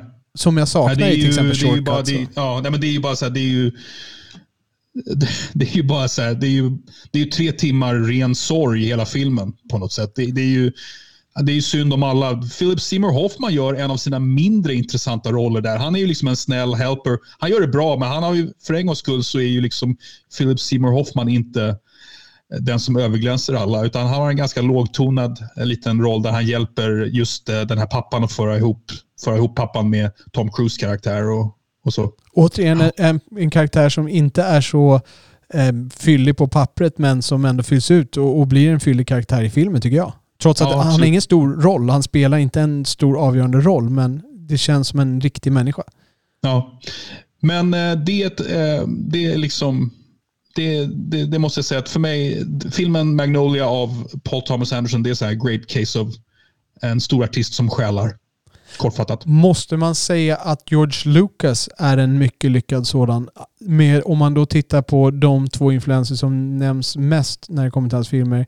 Akira Kurosawa, Okay. Eh, och därtill Dune som eh, bok då. Som eh, han tydligen ska ha varit mycket influerad av när han skapade sin värld Aha. i Star Wars. Är det, där, är det där du har fått din lilla inkörsport till Dune? Att du hörde just att Lucas var influerad av det? Eller? Nej, det, med Dune är det faktiskt bara så att jag... Det, det var, så här, det var en basar på skolan en gång. Och sen ja. var det en massa böcker som inte blev sålda. Då tog jag en lunta där. Jag tog de tjockaste. Eh, Ja. och då var det Dune. Det var någon riktig katastrofbajsbok som jag läste det första kapitlet av bara innan jag insåg hur dålig den var. Och sen var det typ Shogun tror jag, eller sånt där som jag också läste. okej. ja. Ja, jag, kan, jag har en bild av hur lite nö- nötta um, pocketböcker. Fin, fin känsla. Nej, men alltså, jag, vet inte, jag har inte sett Kurosawa ordentligt faktiskt. Eh, jag kan inte riktigt uttala mig om George Lucas. Det får nog... Vad, vad säger du själv? Jag har inte sett så jättemycket Kurosawa själv. Jag såg Iran och jag har sett eh, någon till eh, där som jag Sju inte kommer ihåg. Nej, jag, det har jag inte sett den. Jag vet att det är den man ska se. Eh, men jag har med den på min bucket list också får jag väl säga. Ja. Som jag måste beta ner. Ja. Nej. så skulle du vilja, om vi avslutar med det, skulle du vilja säga att det stämmer? Eller skulle du bara vilja säga att det finns exempel där man kan få det att stämma? Det finns exempel där man kan få det att stämma. Eh, det, det, det blir en väldigt, det är väldigt eh, det är lite larvigt att liksom göra det till en definitiv sanning. Det, det finns exempel på det, skulle jag säga. Mm. Mm. Ja men cool. Eh, Jag tänkte snacka lite om en app som jag pratade om. Det finns en app som heter Naudio. Det är alltså Ja. audio med ett N framför. N-A-U-D-I-O. Och appen finns då både på, eller på Apple och på eh, Android Play Store. Och det är en um, ny eh, musiktjänst höll jag på att säga. Det är det ju inte. Och det är inte heller böcker utan det är dokumentärer. Eh, dokumentärreportage. Som man kanske, alltså radiodokumentärreportage skulle man kunna säga. Som, som en podd ungefär fast med dokumentärstuk. Som har där då, och de har ganska brett med ämnen för att vara ganska nya på marknaden. Det här är svensk app som jag förstått Mm. det. De sitter i Stockholm tror jag och utvecklar den här. Och vi fick kontakt lite grann med dem via, via här via filmpapperna då. Och jag eh, reggade ett gratiskonto där och gick in och började kolla deras innehåll. Och jag, jag gillar det. Jag har lyssnat på två dokumentärer hittills. De är inte så långa, de jag har lyssnat på. Jag kan inte säga riktigt om det här är formatet som gäller allt. Men jag lyssnade på en dokumentär om Mel Gibson. Eh, Okej. Och då var det lite hans uppgång och fall med, med fokus på hans fall då. Och sen lyssnade jag också på en om Michael K. Williams. Och vem är Michael K. Williams? Ja, han är ju den kanske eh, bästa karaktären i The Wire. Spelar Omar i The Wire, ja, som tydligen Ja. är världens bästa tv-serie. Han fick ju inte Det är, leva att höra då att BBC hade utsett den till det. Men han gick ju bort här nu för ett år, någon, halvår, nej, jag år. tror det är bara någon, ja, några Halvår. månader sedan. Ja. Okej. Men här, den här um, Omar Little var i, um, i um, Obamas favoritkaraktär i The Wire. Vad lustigt att du säger det. Jag, jag, jag tog nämligen ett eh, klipp på det här. Eh, låt, oss, eh, låt oss lyssna på det här. Det här får vi höra också lite grann hur det låter på Naudio. och han blir Okej. djupt älskad av publiken. När det första avsnittet av The Wire sänds på HBO hösten 2002 får världen lära känna Michael Kenneth Williams. En skådespelare som kommer att lämna ett stort avtryck. Bland Williams största fans finns Barack Obama. Så här berättar Obama för David Simon, huvudförfattare av The Wire, i ett samtal som hölls i Vita huset 2015. Uh, I'm a huge fan of The Wire. I think it's one of the uh, greatest, uh, not just television shows, but pieces of art uh, uh, in the last uh, couple of decades. Omar's, by the way, my favorite character. Michael K. Williams was a kind of unicorn. Så där har vi just Obama som, som pratar om Michael K. Williams då, att det är hans favoritkaraktär i, i um, The Wire. Just det. Så den verkar ha en, en bred appeal. Men vad är storyn om Michael? Är det liksom en story om hur han faktiskt, eh, hans drogmissbruk och allt det där? Eller Ja, och det, det jag gillar med de här är, när jag lyssnar på de här två så är det egentligen, det fyller i lite detaljer men det är egentligen inte så här jättemycket jag inte visste. Men det här är ju, det här är ju på mitt område. De var, båda var en halvtimme långa ungefär och det, det är precis som vi hörde där. De berättar lite grann, det är lite intervjuer och så pratar de om det de sa och så går de vidare liksom genom historien. Och de, i båda de här avsnitten har lyft ut väldigt bra för att ge en bra bild av de här personerna just på den här halvtimmen som man lyssnar. För mig som är inne i filmvärlden så är, är det ju inte så jättemycket, för jag har redan hört liksom, de här grejerna här. Men det här, att, då, då känner jag att då kan jag gå och lyssna på de andra dokumentärerna. För kan jag få den här liksom, lagom djupa kunskapen om saker Mm. så skulle det här vara så är det jätteintressant för mig. Det är, liksom, det är lätt att spendera en halvtimme på det här och bli insatt, liksom, hyfsat insatt i ett ämne. Ja, men om man lyssnar på den här om Mel Gibson och om man inte är sådär filmnördar som vi sitter och försöker leka så är det här väldigt lagom för att få en inblick i vad fasen var det som hände? Vad var det som hände med hans antisemitiska uttalanden? Och varför kom det? Vad är hans bakgrund? Var kom det här ifrån? Mm. Liksom? Och varför har det blivit en så stor sak? Och varför är han fortfarande bannlyst idag? Och så vidare. Du får en bra bild av honom. Eh, så att det, jag är nyfiken på att lyssna vidare och jag hittade inte så jättemycket mer som just var relaterat till film än de här två. Jag, jag har kollat igenom lite grann. Så, men jag ska ge mm. mig in på lite andra bitar där och kolla runt lite de här och lyssna på lite andra grejer som, eh, som kan vara av intresse. Så det fanns både politik, det fanns historia.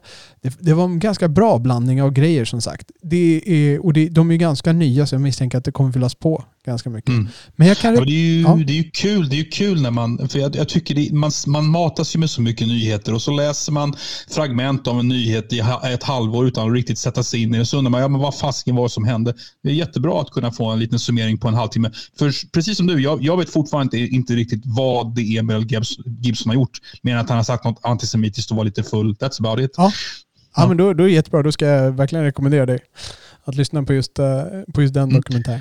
Men är det, är, det, är det egenproducerade svenska grejer det här alltså, eller?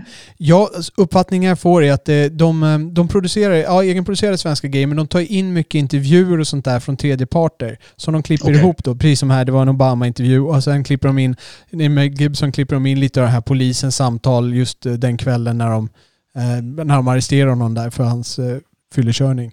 Mm. Och så att de klipper in då grejer från andra saker. Men eh, sen har de då den här någon berättare liksom som berättar där. Sen finns det också lite svenska eh, tyckare som kan gå in och berätta. De som är lite mer insatta i vad som har hänt liksom. De kanske kan göra ett avsnitt om den där nipslippen också. Ja, exakt. Ja, det är fem timmar långt minst. Liksom. Ja. Mm. ja, det ska bli intressant. Ja, men jag kan rekommendera. Man, det är, man kan gå in där. N-A-U-D-I-O, Naudio heter appen. Finns en hemsida, man kan inte lyssna via hemsidan, inte än i alla fall. Så att ladda ner appen på er telefon. Det finns alltså både på Android och eh, på iPhone.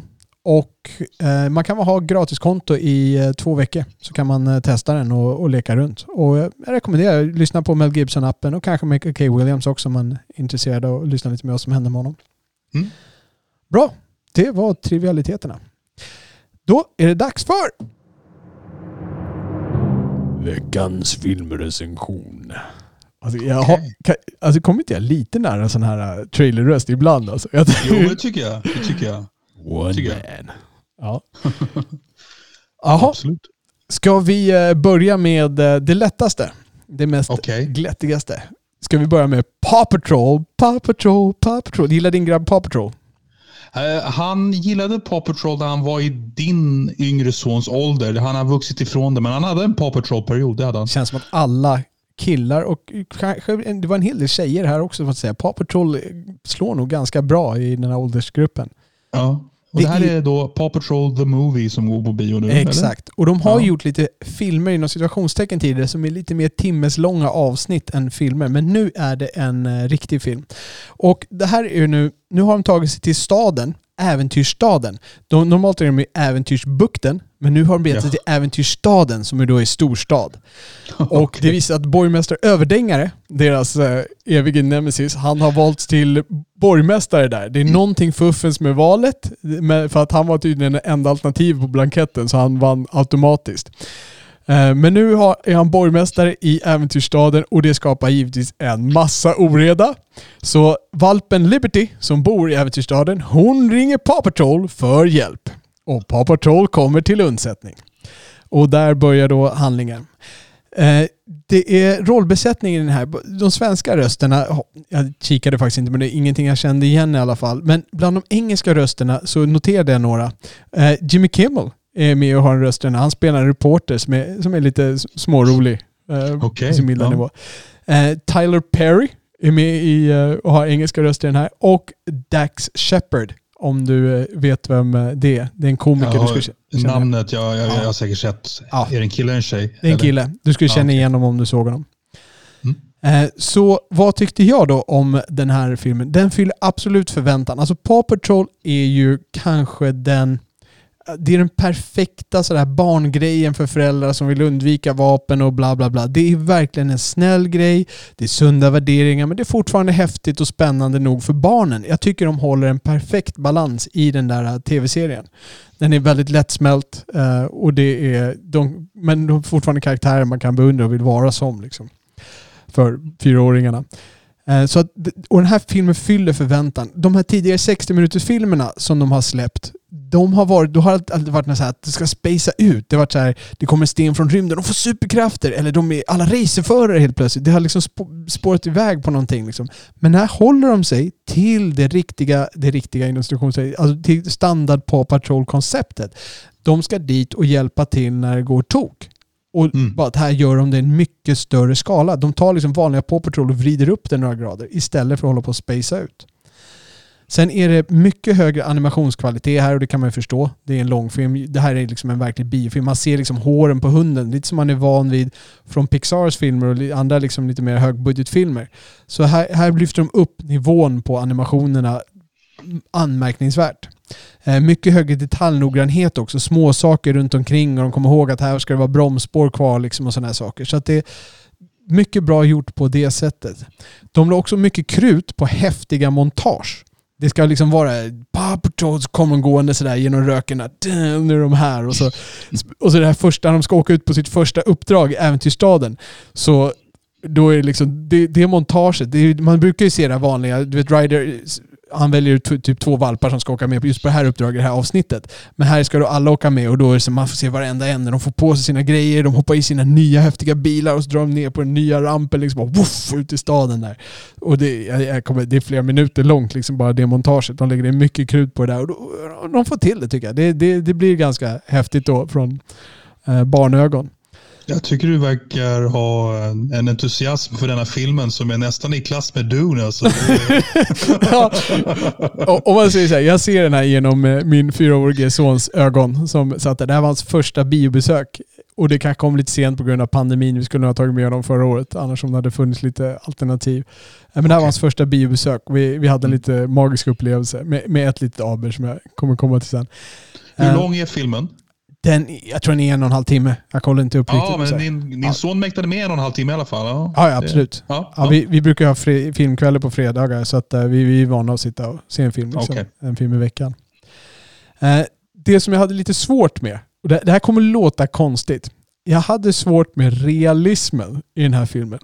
För att jag menar, det, det är givetvis det är hundar som pratar och allt sånt där och det, jag förstår det, det och det är, det är inte det som är problemet. Men det finns en, ett, en grej när Chase, då, den här polishunden, han åker upp för en vägg med en, eh, med en moped, eller med en motorcykel kan vi kalla det. Och då han har sugproppar på hjulen, ja, fine. Det, det köper jag. Det är helt okej. Okay. Det är inget fel med det. Men sen är det ett hål i den här väggen. Och då hoppar hoppar han över det. Så han åker alltså rakt uppåt, spikrakt uppåt. Det är 90 grader. Mm. Och sen på något sätt så hoppar han och så åker han ner och landar på andra sidan. Precis som när man hoppar över någonting eh, som är horisontellt. Men när du hoppar vertikalt, då åker man ju inte ner igen. Liksom mot väggen. Nej. Förstår du? Och, och, jag tror jag fattar. Ja. En sån där ja. grej kan jag störa mig ganska mycket på. För att givetvis så är det liksom det är Paw Patrol, det är hundar som pratar och allting är liksom fantasi. Så här. Jag är helt med på det. Men naturlagarna på något sätt får inte... Alltså de måste ju respekteras på någon nivå. Och här är liksom... Ja, det blir bara eh, konstigt. Ja, men det, vi har ju pratat om det där att, att en film sätter eh, sina realistiska ramar på något sätt. Att eh, eh, Om Roger Rabbit kan flyga genom en vägg i början av filmen, då kan han göra det resten av filmen. Eh, det finns ju någon slags ribba Eh, man får ju liksom lägga en ribba för vad som är, är sant och inte sant eh, i en film eller vad man ska Exakt. säga. Och då, gravitationen är ju uppenbarligen en ribba de har satt den, att den finns. Exakt. Men här, här slutar den existera och då bryter de sina egna regler. Det var väldigt bra mm. förklarat. Mm. Eh, sen, sen var det ju också här, de fick ju det här uppdraget, den här Liberty ringer till dem och säger bara kan ni komma dit? Ja, vi kommer dit! Och så bara hoppar de i bilen och åker. Och när de kommer fram till äventyrsstaden, som typ inte ligger så långt från äventyrsbukten där de normalt är, då har de ett helt nytt torn de har byggt en helt ny bas i den här staden. Det här, det här stör jag mig inte så mycket på, men jag kan bara tycka att det är lite roligt. Alltså på nolltid har de byggt upp en hel bas och den är hur avancerad som helst. Den är mycket större än deras normala bas. Eh, och det finns inget snack om hur de på något sätt har råd med det här. Och det, det var första tanken. att, Okej, okay, alltså jag släpper men det är liksom hur, hur byggde de den här basen snabbt och hur, var får de alla pengar ifrån den här Paw Patrol? Och då, Ja, då visar det sig faktiskt att när han kommer upp dit så ställer Sky, som är en av hundarna, hon ställer frågan hur hade vi råd med det här? Vilket jag hajade till på lite grann. Ja. Och då svarar Ryder att ja, vi säljer så mycket av era t-shirts, säger han och håller upp t-shirts med så här Paw Patrol på. Så att vi, vi kunde köpa det här liksom. Så lite smygreklam eller? Ja, jag vet inte. Eller, eller liksom lite nästan knackning på fjärde väggen där. Det är liksom hur de hade råd att göra den här filmen ungefär. Jag vet att när, när du pratar om just det här, eh, så jag tycker ju väldigt mycket om eh, Mission Impossible-filmerna med, med Tom Cruise. Men där finns det ju sådana här element som jag faktiskt kan irritera mig lite grann på. Jag tror att i den som kom 2015, som väl är den bästa filmen. I Rogue eh, Nation? Det är den, vad sa du? I Rogue Nation. Jag vet, det är den första som Rebecca Ferguson är med i och hon åker jäkligt mycket motorcykel i den. Är det den? Eller? Jag tror att det är Rogue Nation. Jag kommer inte ihåg Men, där, där, okay, men där minns jag så här att jag, jag köper ganska mycket, men det är någonting att Tom Cruise är på ett jäkla super, super mission impossible och han får inte röja sin identitet för någon och allting är jättekrångligt. Och sen så liksom så här, dagen efter så har de ändå fått tag på ett flygplan som ska liksom plocka upp dem och kasta ner dem över någon skyskrapa eller vad det är. Det är liksom lite samma element. Förstår du vad jag menar? Eller? Jag förstår vad du menar. Ja. Det är supersvårt men vi löser det på ganska enkelt ändå. Ja, lite så. Lite så. Ja. Ja, men så jag, jag kan avrunda det här med att eh, jag kan varmt rekommendera den här eh, filmen till alla Paw Patrol-fans där ute. Det, är, det här är riktigt bra Paw Patrol. Gillar man Paw Patrol kan man gå och se den här och är man bara okej med Paw Patrol kan man också gå och se den här. Den, den fyller verkligen kvoten för man, vad man förväntar sig och den fyller den bra. Föräldrar, den kan vara bitvis sömnig men det är ett par häftiga sekvenser som, så man inte är helt uttråkad hela tiden i alla fall. Ja, jag gick och såg en runda till med min son. men där tog du med honom på bio? Nej, jag skojar. Nej, jag tänkte, ja. Eh, nej, men så här, jag, jag, må- jag är imponerad Robert att du kan prata så, så utförligt om Paw Patrol. Jag har nog mindre att säga om en runda till faktiskt. Eh, nu är det ett tag sedan jag såg den. Det var i augusti. Så berätta, vad, vad handlar en runda till om? Jo, men det är ju då, de är ju fyra lärare på ett plugg i Danmark och eh, huvudpersonen spelas av Mats Mikkelsen och de andra skådespelarna känner du igen också om du har sett mycket dansk film. En Ulrik Thomsen bland annat. De är, de är lärare på ett, i ett plugg på gymnasiet och de är alla ganska livströtta. Livet är lite halvtråkigt. Och så snappar då någon av dem upp en idé från någon filosof som hävdar att eh, livet blir bättre med en liten promillehalt av alkohol konstant i blodet. Eh, och de bestämmer sig då för att leva upp till det här och dricker ganska konstant eh, för att hålla sig på en bra nivå.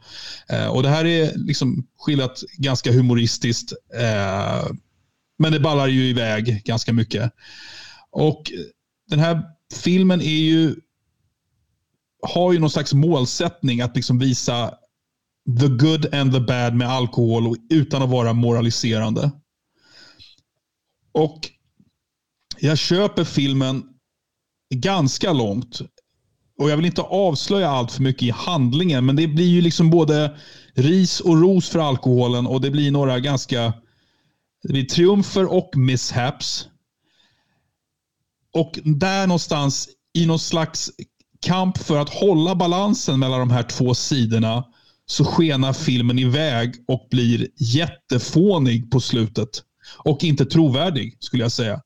Okej. Så, så det är tredje akten som bara inte håller? Ja, nej men alltså, slutet är så komiskt så att det är så komiskt dåligt skulle jag säga. Eh, man hade lätt kunnat klippa bort det och sluta innan det här segmentet som var så fånigt.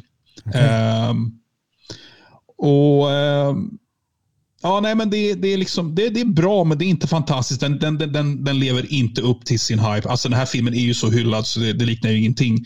Uh, och det, det, för mig blir det nästan som en läxa att när man ser en sån här filmtrailer med 38 positiva citat, då är det någon slags mellanmjölk som alla gillar på något sätt. Jag läste att de hade kommit ganska långt i att eh, förbereda en amerikansk uh, remake på den här. Ja, det kan jag, mycket, jag kan tänka mig att den blir faktiskt nästan blir bättre för en amerikansk remake. Då blir det lite mer pruttkomedi. kan jag tänka mig. Men det, det, är ju, det är ju så stor skillnad på drick, drickakulturen i Danmark och USA. Ja, och Danmark och Sverige också tror jag. Ja, visst. Det känns som att, ja. Absolut. Vi har ju mycket mer skam över vårt drickande här. Ja, ja. Men det blir liksom så här, den, den, den är någon slags märklig, den har roliga passager men det finns så mycket grabbigt och tramsigt och kanske en hel del dansk kontext som jag inte riktigt kan greppa. Eh, så jag, jag är inte så imponerad. Det är skickligt agerat, skickligt regisserat men, men liksom storyn som de har lagt upp det. Jag, det håller inte riktigt hela vägen och då är det ändå gjort av en av mina favoritregissörer från Danmark, nämligen Thomas Winterberg. Ja, just det. Vad har Thomas Winterberg gjort annat för de som lyssnar? Han har gjort Festen och han har gjort eh, Jakten också. Ja, eh, och sen har han gjort en film som jag lovordade för något halvår sedan. En film som heter Submarino. Eh, och den här filmen är inte i närheten av så bra som Submarino och Festen är. Okej. Okay. Nej. Så du rekommenderar inte en runda till? Nej. Eh, nej, om jag ska titta djupt in i mig själv så nej. Eh, ska man hoppa den, över den, den och se om festen istället? Ja, det tycker jag faktiskt. Det okay. tycker jag faktiskt. Mm. Eh, och sen så måste jag säga att jag gillar Mats Mikkelsen. Skicklig. Eh, däremot så börjar väl jag känna att det här återhållsamma agerandet som han nästan alltid står för. Han börjar köra lite inflation på det. Det är dags för honom att testa något lite mer utåtagerande. Det skulle vara intressant att se. Jag håller med. Ja. Så då till vår sista recension. Jag var ju på bio denna vecka och såg The Last Duel. Ridley Scotts senaste, senast släppta film får man säga. Han har verkligen många järn i elden måste jag säga. Man tittar på hans lista. Han ska ha Gladiator 2, mera Alien-filmer och bla bla bla. Eh, som han har på sin lista där. Och han har ju Gucci också som han har släppt. Som kommer ut eh, nu snar, inom snar framtid här. Någon mm. vecka bara eller något sånt där. Med Adam Driver också. Adam Driver är med den här med. Så det här är en film som är baserad på sanna händelser, eh, uppger den. Den utspelar sig 1386 säger jag och, och drar lite på munnen för att den går också tillbaks en del i tiden med tillbakablickar. Så att det, man får se lite tidsperiod. Men själva duellen som titeln hänför till utspelar sig 1386. Eh, det är två franska riddare, så här i Frankrike på medeltiden, som är utmanade i duell då mellan varandra. Det som föregår här det är en anklagelse eh, av den enes fru som då har sagt att den andra riddaren inom situationstecken tog sig in i hennes hem och har attackerat henne. Eh, filmen undersöker sen de här händelserna som har lett upp till det här i de här tillbakablickarna. Så det är det som händer. Det är två riddare då, så det finns en hedersgrej. Den enes fru sägs då ha blivit attackerad av den andra riddaren och nu ska de göra upp om det här. Där tar filmen sitt avstamp och sen tittar man tillbaks då på vad som har hänt och undersöker detta. Det som är med, eh, skådespelarna som är i den här är Matt Damon. Det är Adam Driver som är de två riddarna. Den här frun spelas av Jodie Comer en som man inte har sett så mycket. Hon var med i Star Wars Episod 9, fick jag reda på i efterhand, där hon spelade Rays mamma, men det är typ ungefär 30-60 sekunders skärmtid i den filmen. Hon är med i den här nya filmen Free Guy också och sen har gjort en massa TV, så hon är inte något stort namn. Hon har gjort, eh, hon har gjort en Killing Eve också som jag inte har sett. Ben Affleck med också? Eller? Helt korrekt, Ben Affleck ja. är med och spelar en nu måste jag dra lite på mungipan, han var han greve för att vara korrekt i titlarna, då var han hertig. Och eh. jag har snappat upp att det är Matt Damon och Ben Affleck som har skrivit manus va? Helt korrekt. De har skrivit manus. De tog lite hjälp av en tjej som heter Nicole Holofcener, ursäkta mm. uttalet, och som inte har skrivit någon, något nämnvärt tidigare, sådär, alltså något större känt ska jag säga. Och jag misstänker att de tog in henne för att få en kvinnlig aspekt i och med att det finns många feministiska teman i den här. Det är också många bra biroller. Nathaniel Parker, en sån här person som man ofta ser i perioddrama, har gjort mycket tv. Eh, han spelar prins Caspians pappa i Narnia-filmerna. Eh, Martin, ursäkta uttalet, Sokas, eh, skurken i Equalizer, som du och jag gick och såg. Equalizer av Antoine Fuqua med Denzel Washington. Han var skurken i den, här, då spelade han ryss. Eh, kar karismatisk eh, skådespelare också. Eh, Harriet Walter, som också var med i Star Wars. Hon spelade läkaren i Episod 7 som hjälpte Chewbacca. Eh, många bra biroller. Liksom, de, de fyller ut den här filmen väldigt eh, bra på det sättet. Den är då regisserad av Ridley Scott och manuset då av Ben Affleck, Matt Damon och Nicole Holofcener. Så min tagning av den här, vi vet ju vad jag tycker om Ridley Scott. Det är själslösa, det är tråkiga filmer. Det här är en riktigt bra film. Det är, mm. det här är, jag säger att det här är topp tre Ridley Scott. Jag säger Blade Runner, Alien och den här. Det är hans bästa filmer. Men då vill jag också säga att det är ett stort glapp mellan Blade Runner och Blade Runner Alien och ner till den här. Det är inte mm. liksom en klass med Blade Runner och Alien, den här filmen. Eh, så det, det, är mer för att, det är inte för att den här filmen är så bra, det är för att de andra filmerna inte är så bra i mina ögon. Så de andra filmerna är det är en stabil, stabil film. Ja, absolut. Ja. Och jag kan inte förstå varför den har bombat så hårt världen över. Den har bara dragit in 10 mille i Nordamerika och 13 mille i resten av världen. Det är totalt 23 mille och den hade budget på 100. Det finns men, men, är, man inte, är man inte trött på Ridley Scotts riddarfilmer? Eller? Nej, jag vet inte. Jag vet inte vad det är. Vet, den, den verkar inte ha fått brett uh, släpp. Liksom. Den, den, har inte gått upp på så många biodukar. Det verkar vara klen marknadsföring. Det, alltså, det känns som att de har gett upp på filmen i förhand bara. Mm. Och det, det, är en bra film. Den har fått bra på IMDB. Jag tror den låg på 7,8 eller något sånt när jag var inne och satte mitt betyg. Ehm, det, det, det, är en bra film. Och här är det just det, han låter handlingen driva filmen och inte jakten på massa snygga scener och ögongodis. Han låter handlingen vara fokuset i filmen. Och det, det blir helt eh, rätt i det här. Men ändå så lägger han ju på bra scener och effekter för det. Ehm, och sen har han ju det finns ett feministiskt perspektiv i den här. Och Ridley Scott, jag vet inte hur mycket han söker sig till att ha den titeln. För att han, att han fick Ripley som en tjejhjälte, det har ju han fått liksom en eloge för så här lite efterhand. Att han lyfte fram en tjej redan på den tiden, Alien då. Men det men var ju tydligen med en slump har jag fått höra ja, men han, Robert P. Ja, men jag, jag, jag tänker mig, jag, jag förknippar ändå honom med någon slags eh, liten feministisk röd tråd. Han har ändå gjort Louise. Thelma, Thelma Louise. Han gjorde ju även uh, G.I. Jane som inte är någon speciellt bra film men som är klart feministisk. Ja, ja det, det kanske, det, jag, ja, precis, jag kanske nog får dra tillbaka det. Um, hans, men det feministiska perspektivet i den här filmen, ibland är det lite för uttalat. Och det förtar lite från scenen. Det finns till exempel en förhörsscen och där ställs frågorna på ett sätt som verkligen bara skriker. Nu ska vi visa hur barbariskt männen såg på kvinnorna på medeltiden. Och, och, för mig så hade det blivit mer effektfullt om det hade varit lite mer återhållet, lite mer un, liksom att det var en underton av det istället. Alltså liksom man, man, man, fick känna det på egen hand. man behöver inte bli skriven på näsan liksom. Uh, att det var så här. Men, uh, men det, det förtar inte från filmen särskilt mycket i sin helhet ändå. Det är fruktansvärt bra medeltidens miljöer i den här. Alltså det är jag har ju redan nämnt att det är fylliga karaktärer. Eh, och det är, liksom, det är som ett perioddrama på tv, liksom många fylliga karaktärer. Men det är också fantastisk rekvisita. Eh, och de filmar i riktiga slott. Ser man mycket filmat i riktiga slott. Och det är inredningen, detaljerna, rustningarna de har och allting sånt där. Det är verkligen bra gjort. Det finns lite datagrafik som är lite undermålig. Precis som det var i hans film Exodus. Och det, men det är oftast när det är lite så större, det, man får se ett gamla Paris liksom på den tiden. Jag tror de höll på att bygga Notre Dame och sånt där. Det känns lite dataanimerat, det känns som ett dataspel där bitvis. Men det är, det är så pass lite i periferin och allt annat är så jäkla bra så att man kan leva med det lilla som är där. Jag tror jag sagt det till dig någon gång att jag, jag, fick, jag, Matt Damon för mig är nästan en garant för att det är en bra film. Jag tycker ofta han är med i bra filmer utan att vara så här alltid vara så ögonfallande själv. Jag tycker han, det är ofta lite så här kvalitetsstämpel när han är med. Han är en bra manusplockare helt enkelt. Ja. ja. Det finns en risk att min förkärlek till den här filmen är att min kärlek till den här filmen hänger på min förkärlek till medeltiden. Jag, jag gillar ju medeltidsmiljöer. Och här får man se lite grann på vardagen. Eh, och det här är ju spel uppe på en högre nivå bland grevar, hertigar, baroner och kungar.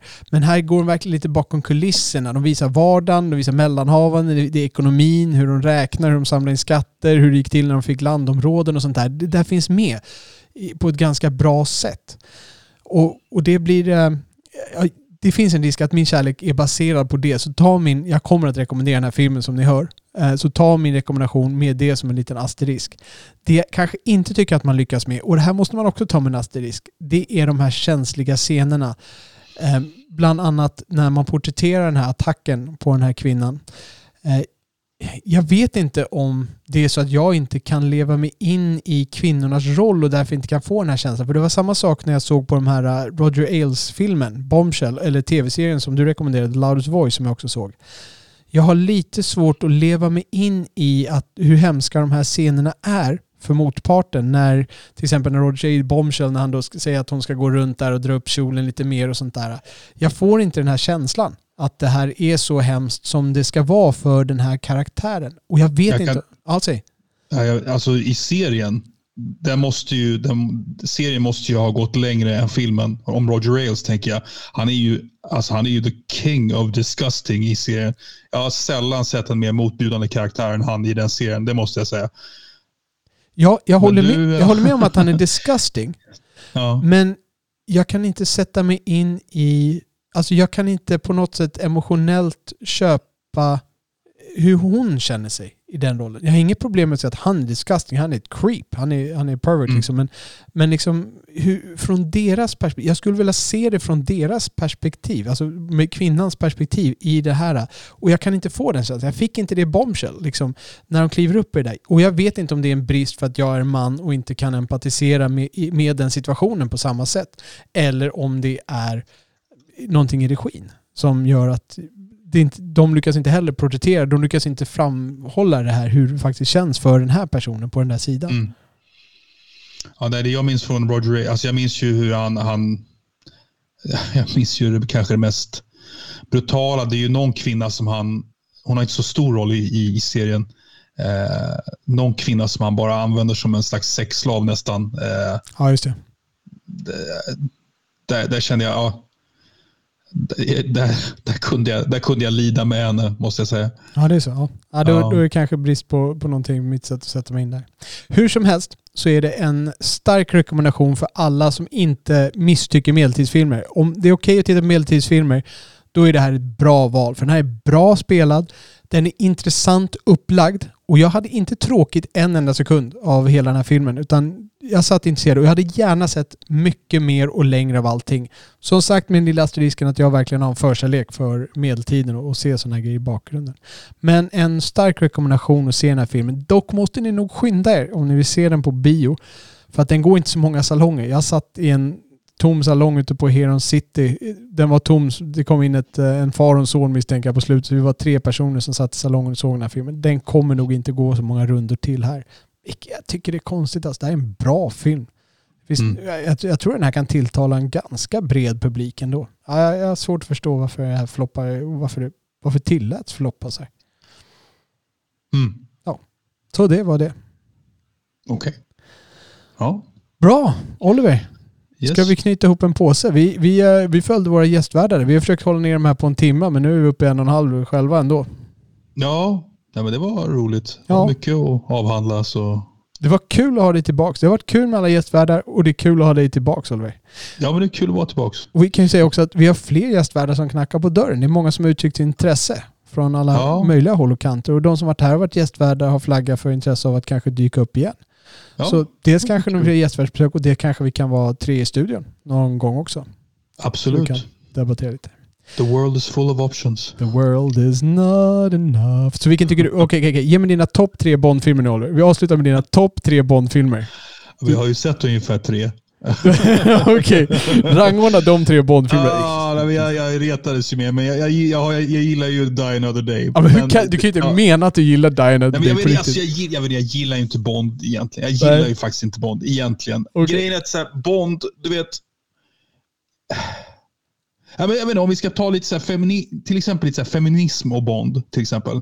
Så jag är ganska cool med, vad vet jag, när när James Bond har någon så här lätt Britt Ekland-lik donna som bara är eye candy och som han räddar och allt vad du vill.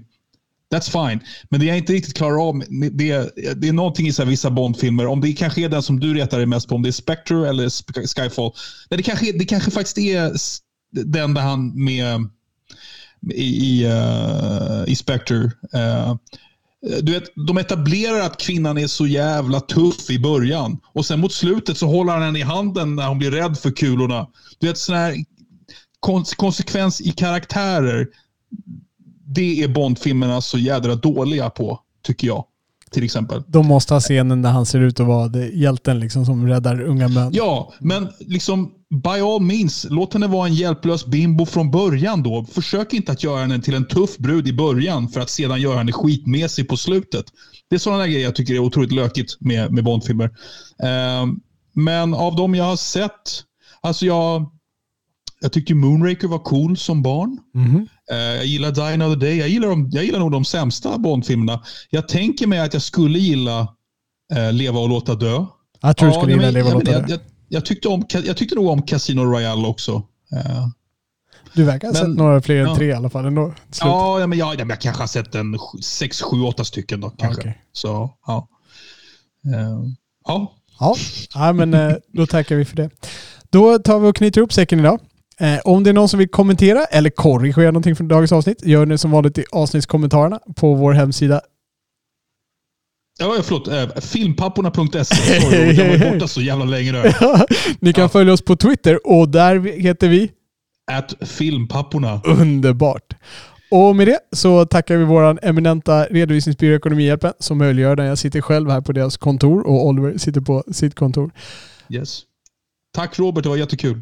Ja, tack själv Oliver. Jättekul att ha dig tillbaka. Jag ser fram emot eh, nästa vecka redan vad det yes. blir för filmer då. Aha. Och eh, mest av allt så tackar vi som vanligt er som lyssnar. Det är ni som gör det här så kul. Tackar. Hej. Ciao. Ciao! Där kom den. Oh, jag längtat.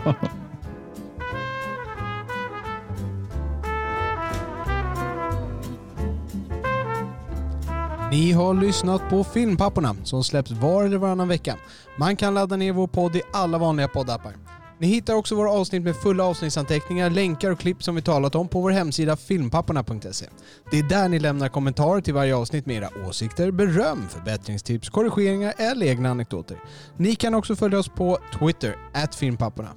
Och med det så tackar vi redovisningsbyrån Ekonomihjälpen som möjliggjort denna podd och önskar er alla mörka salonger och så salta popcorn. Grrr.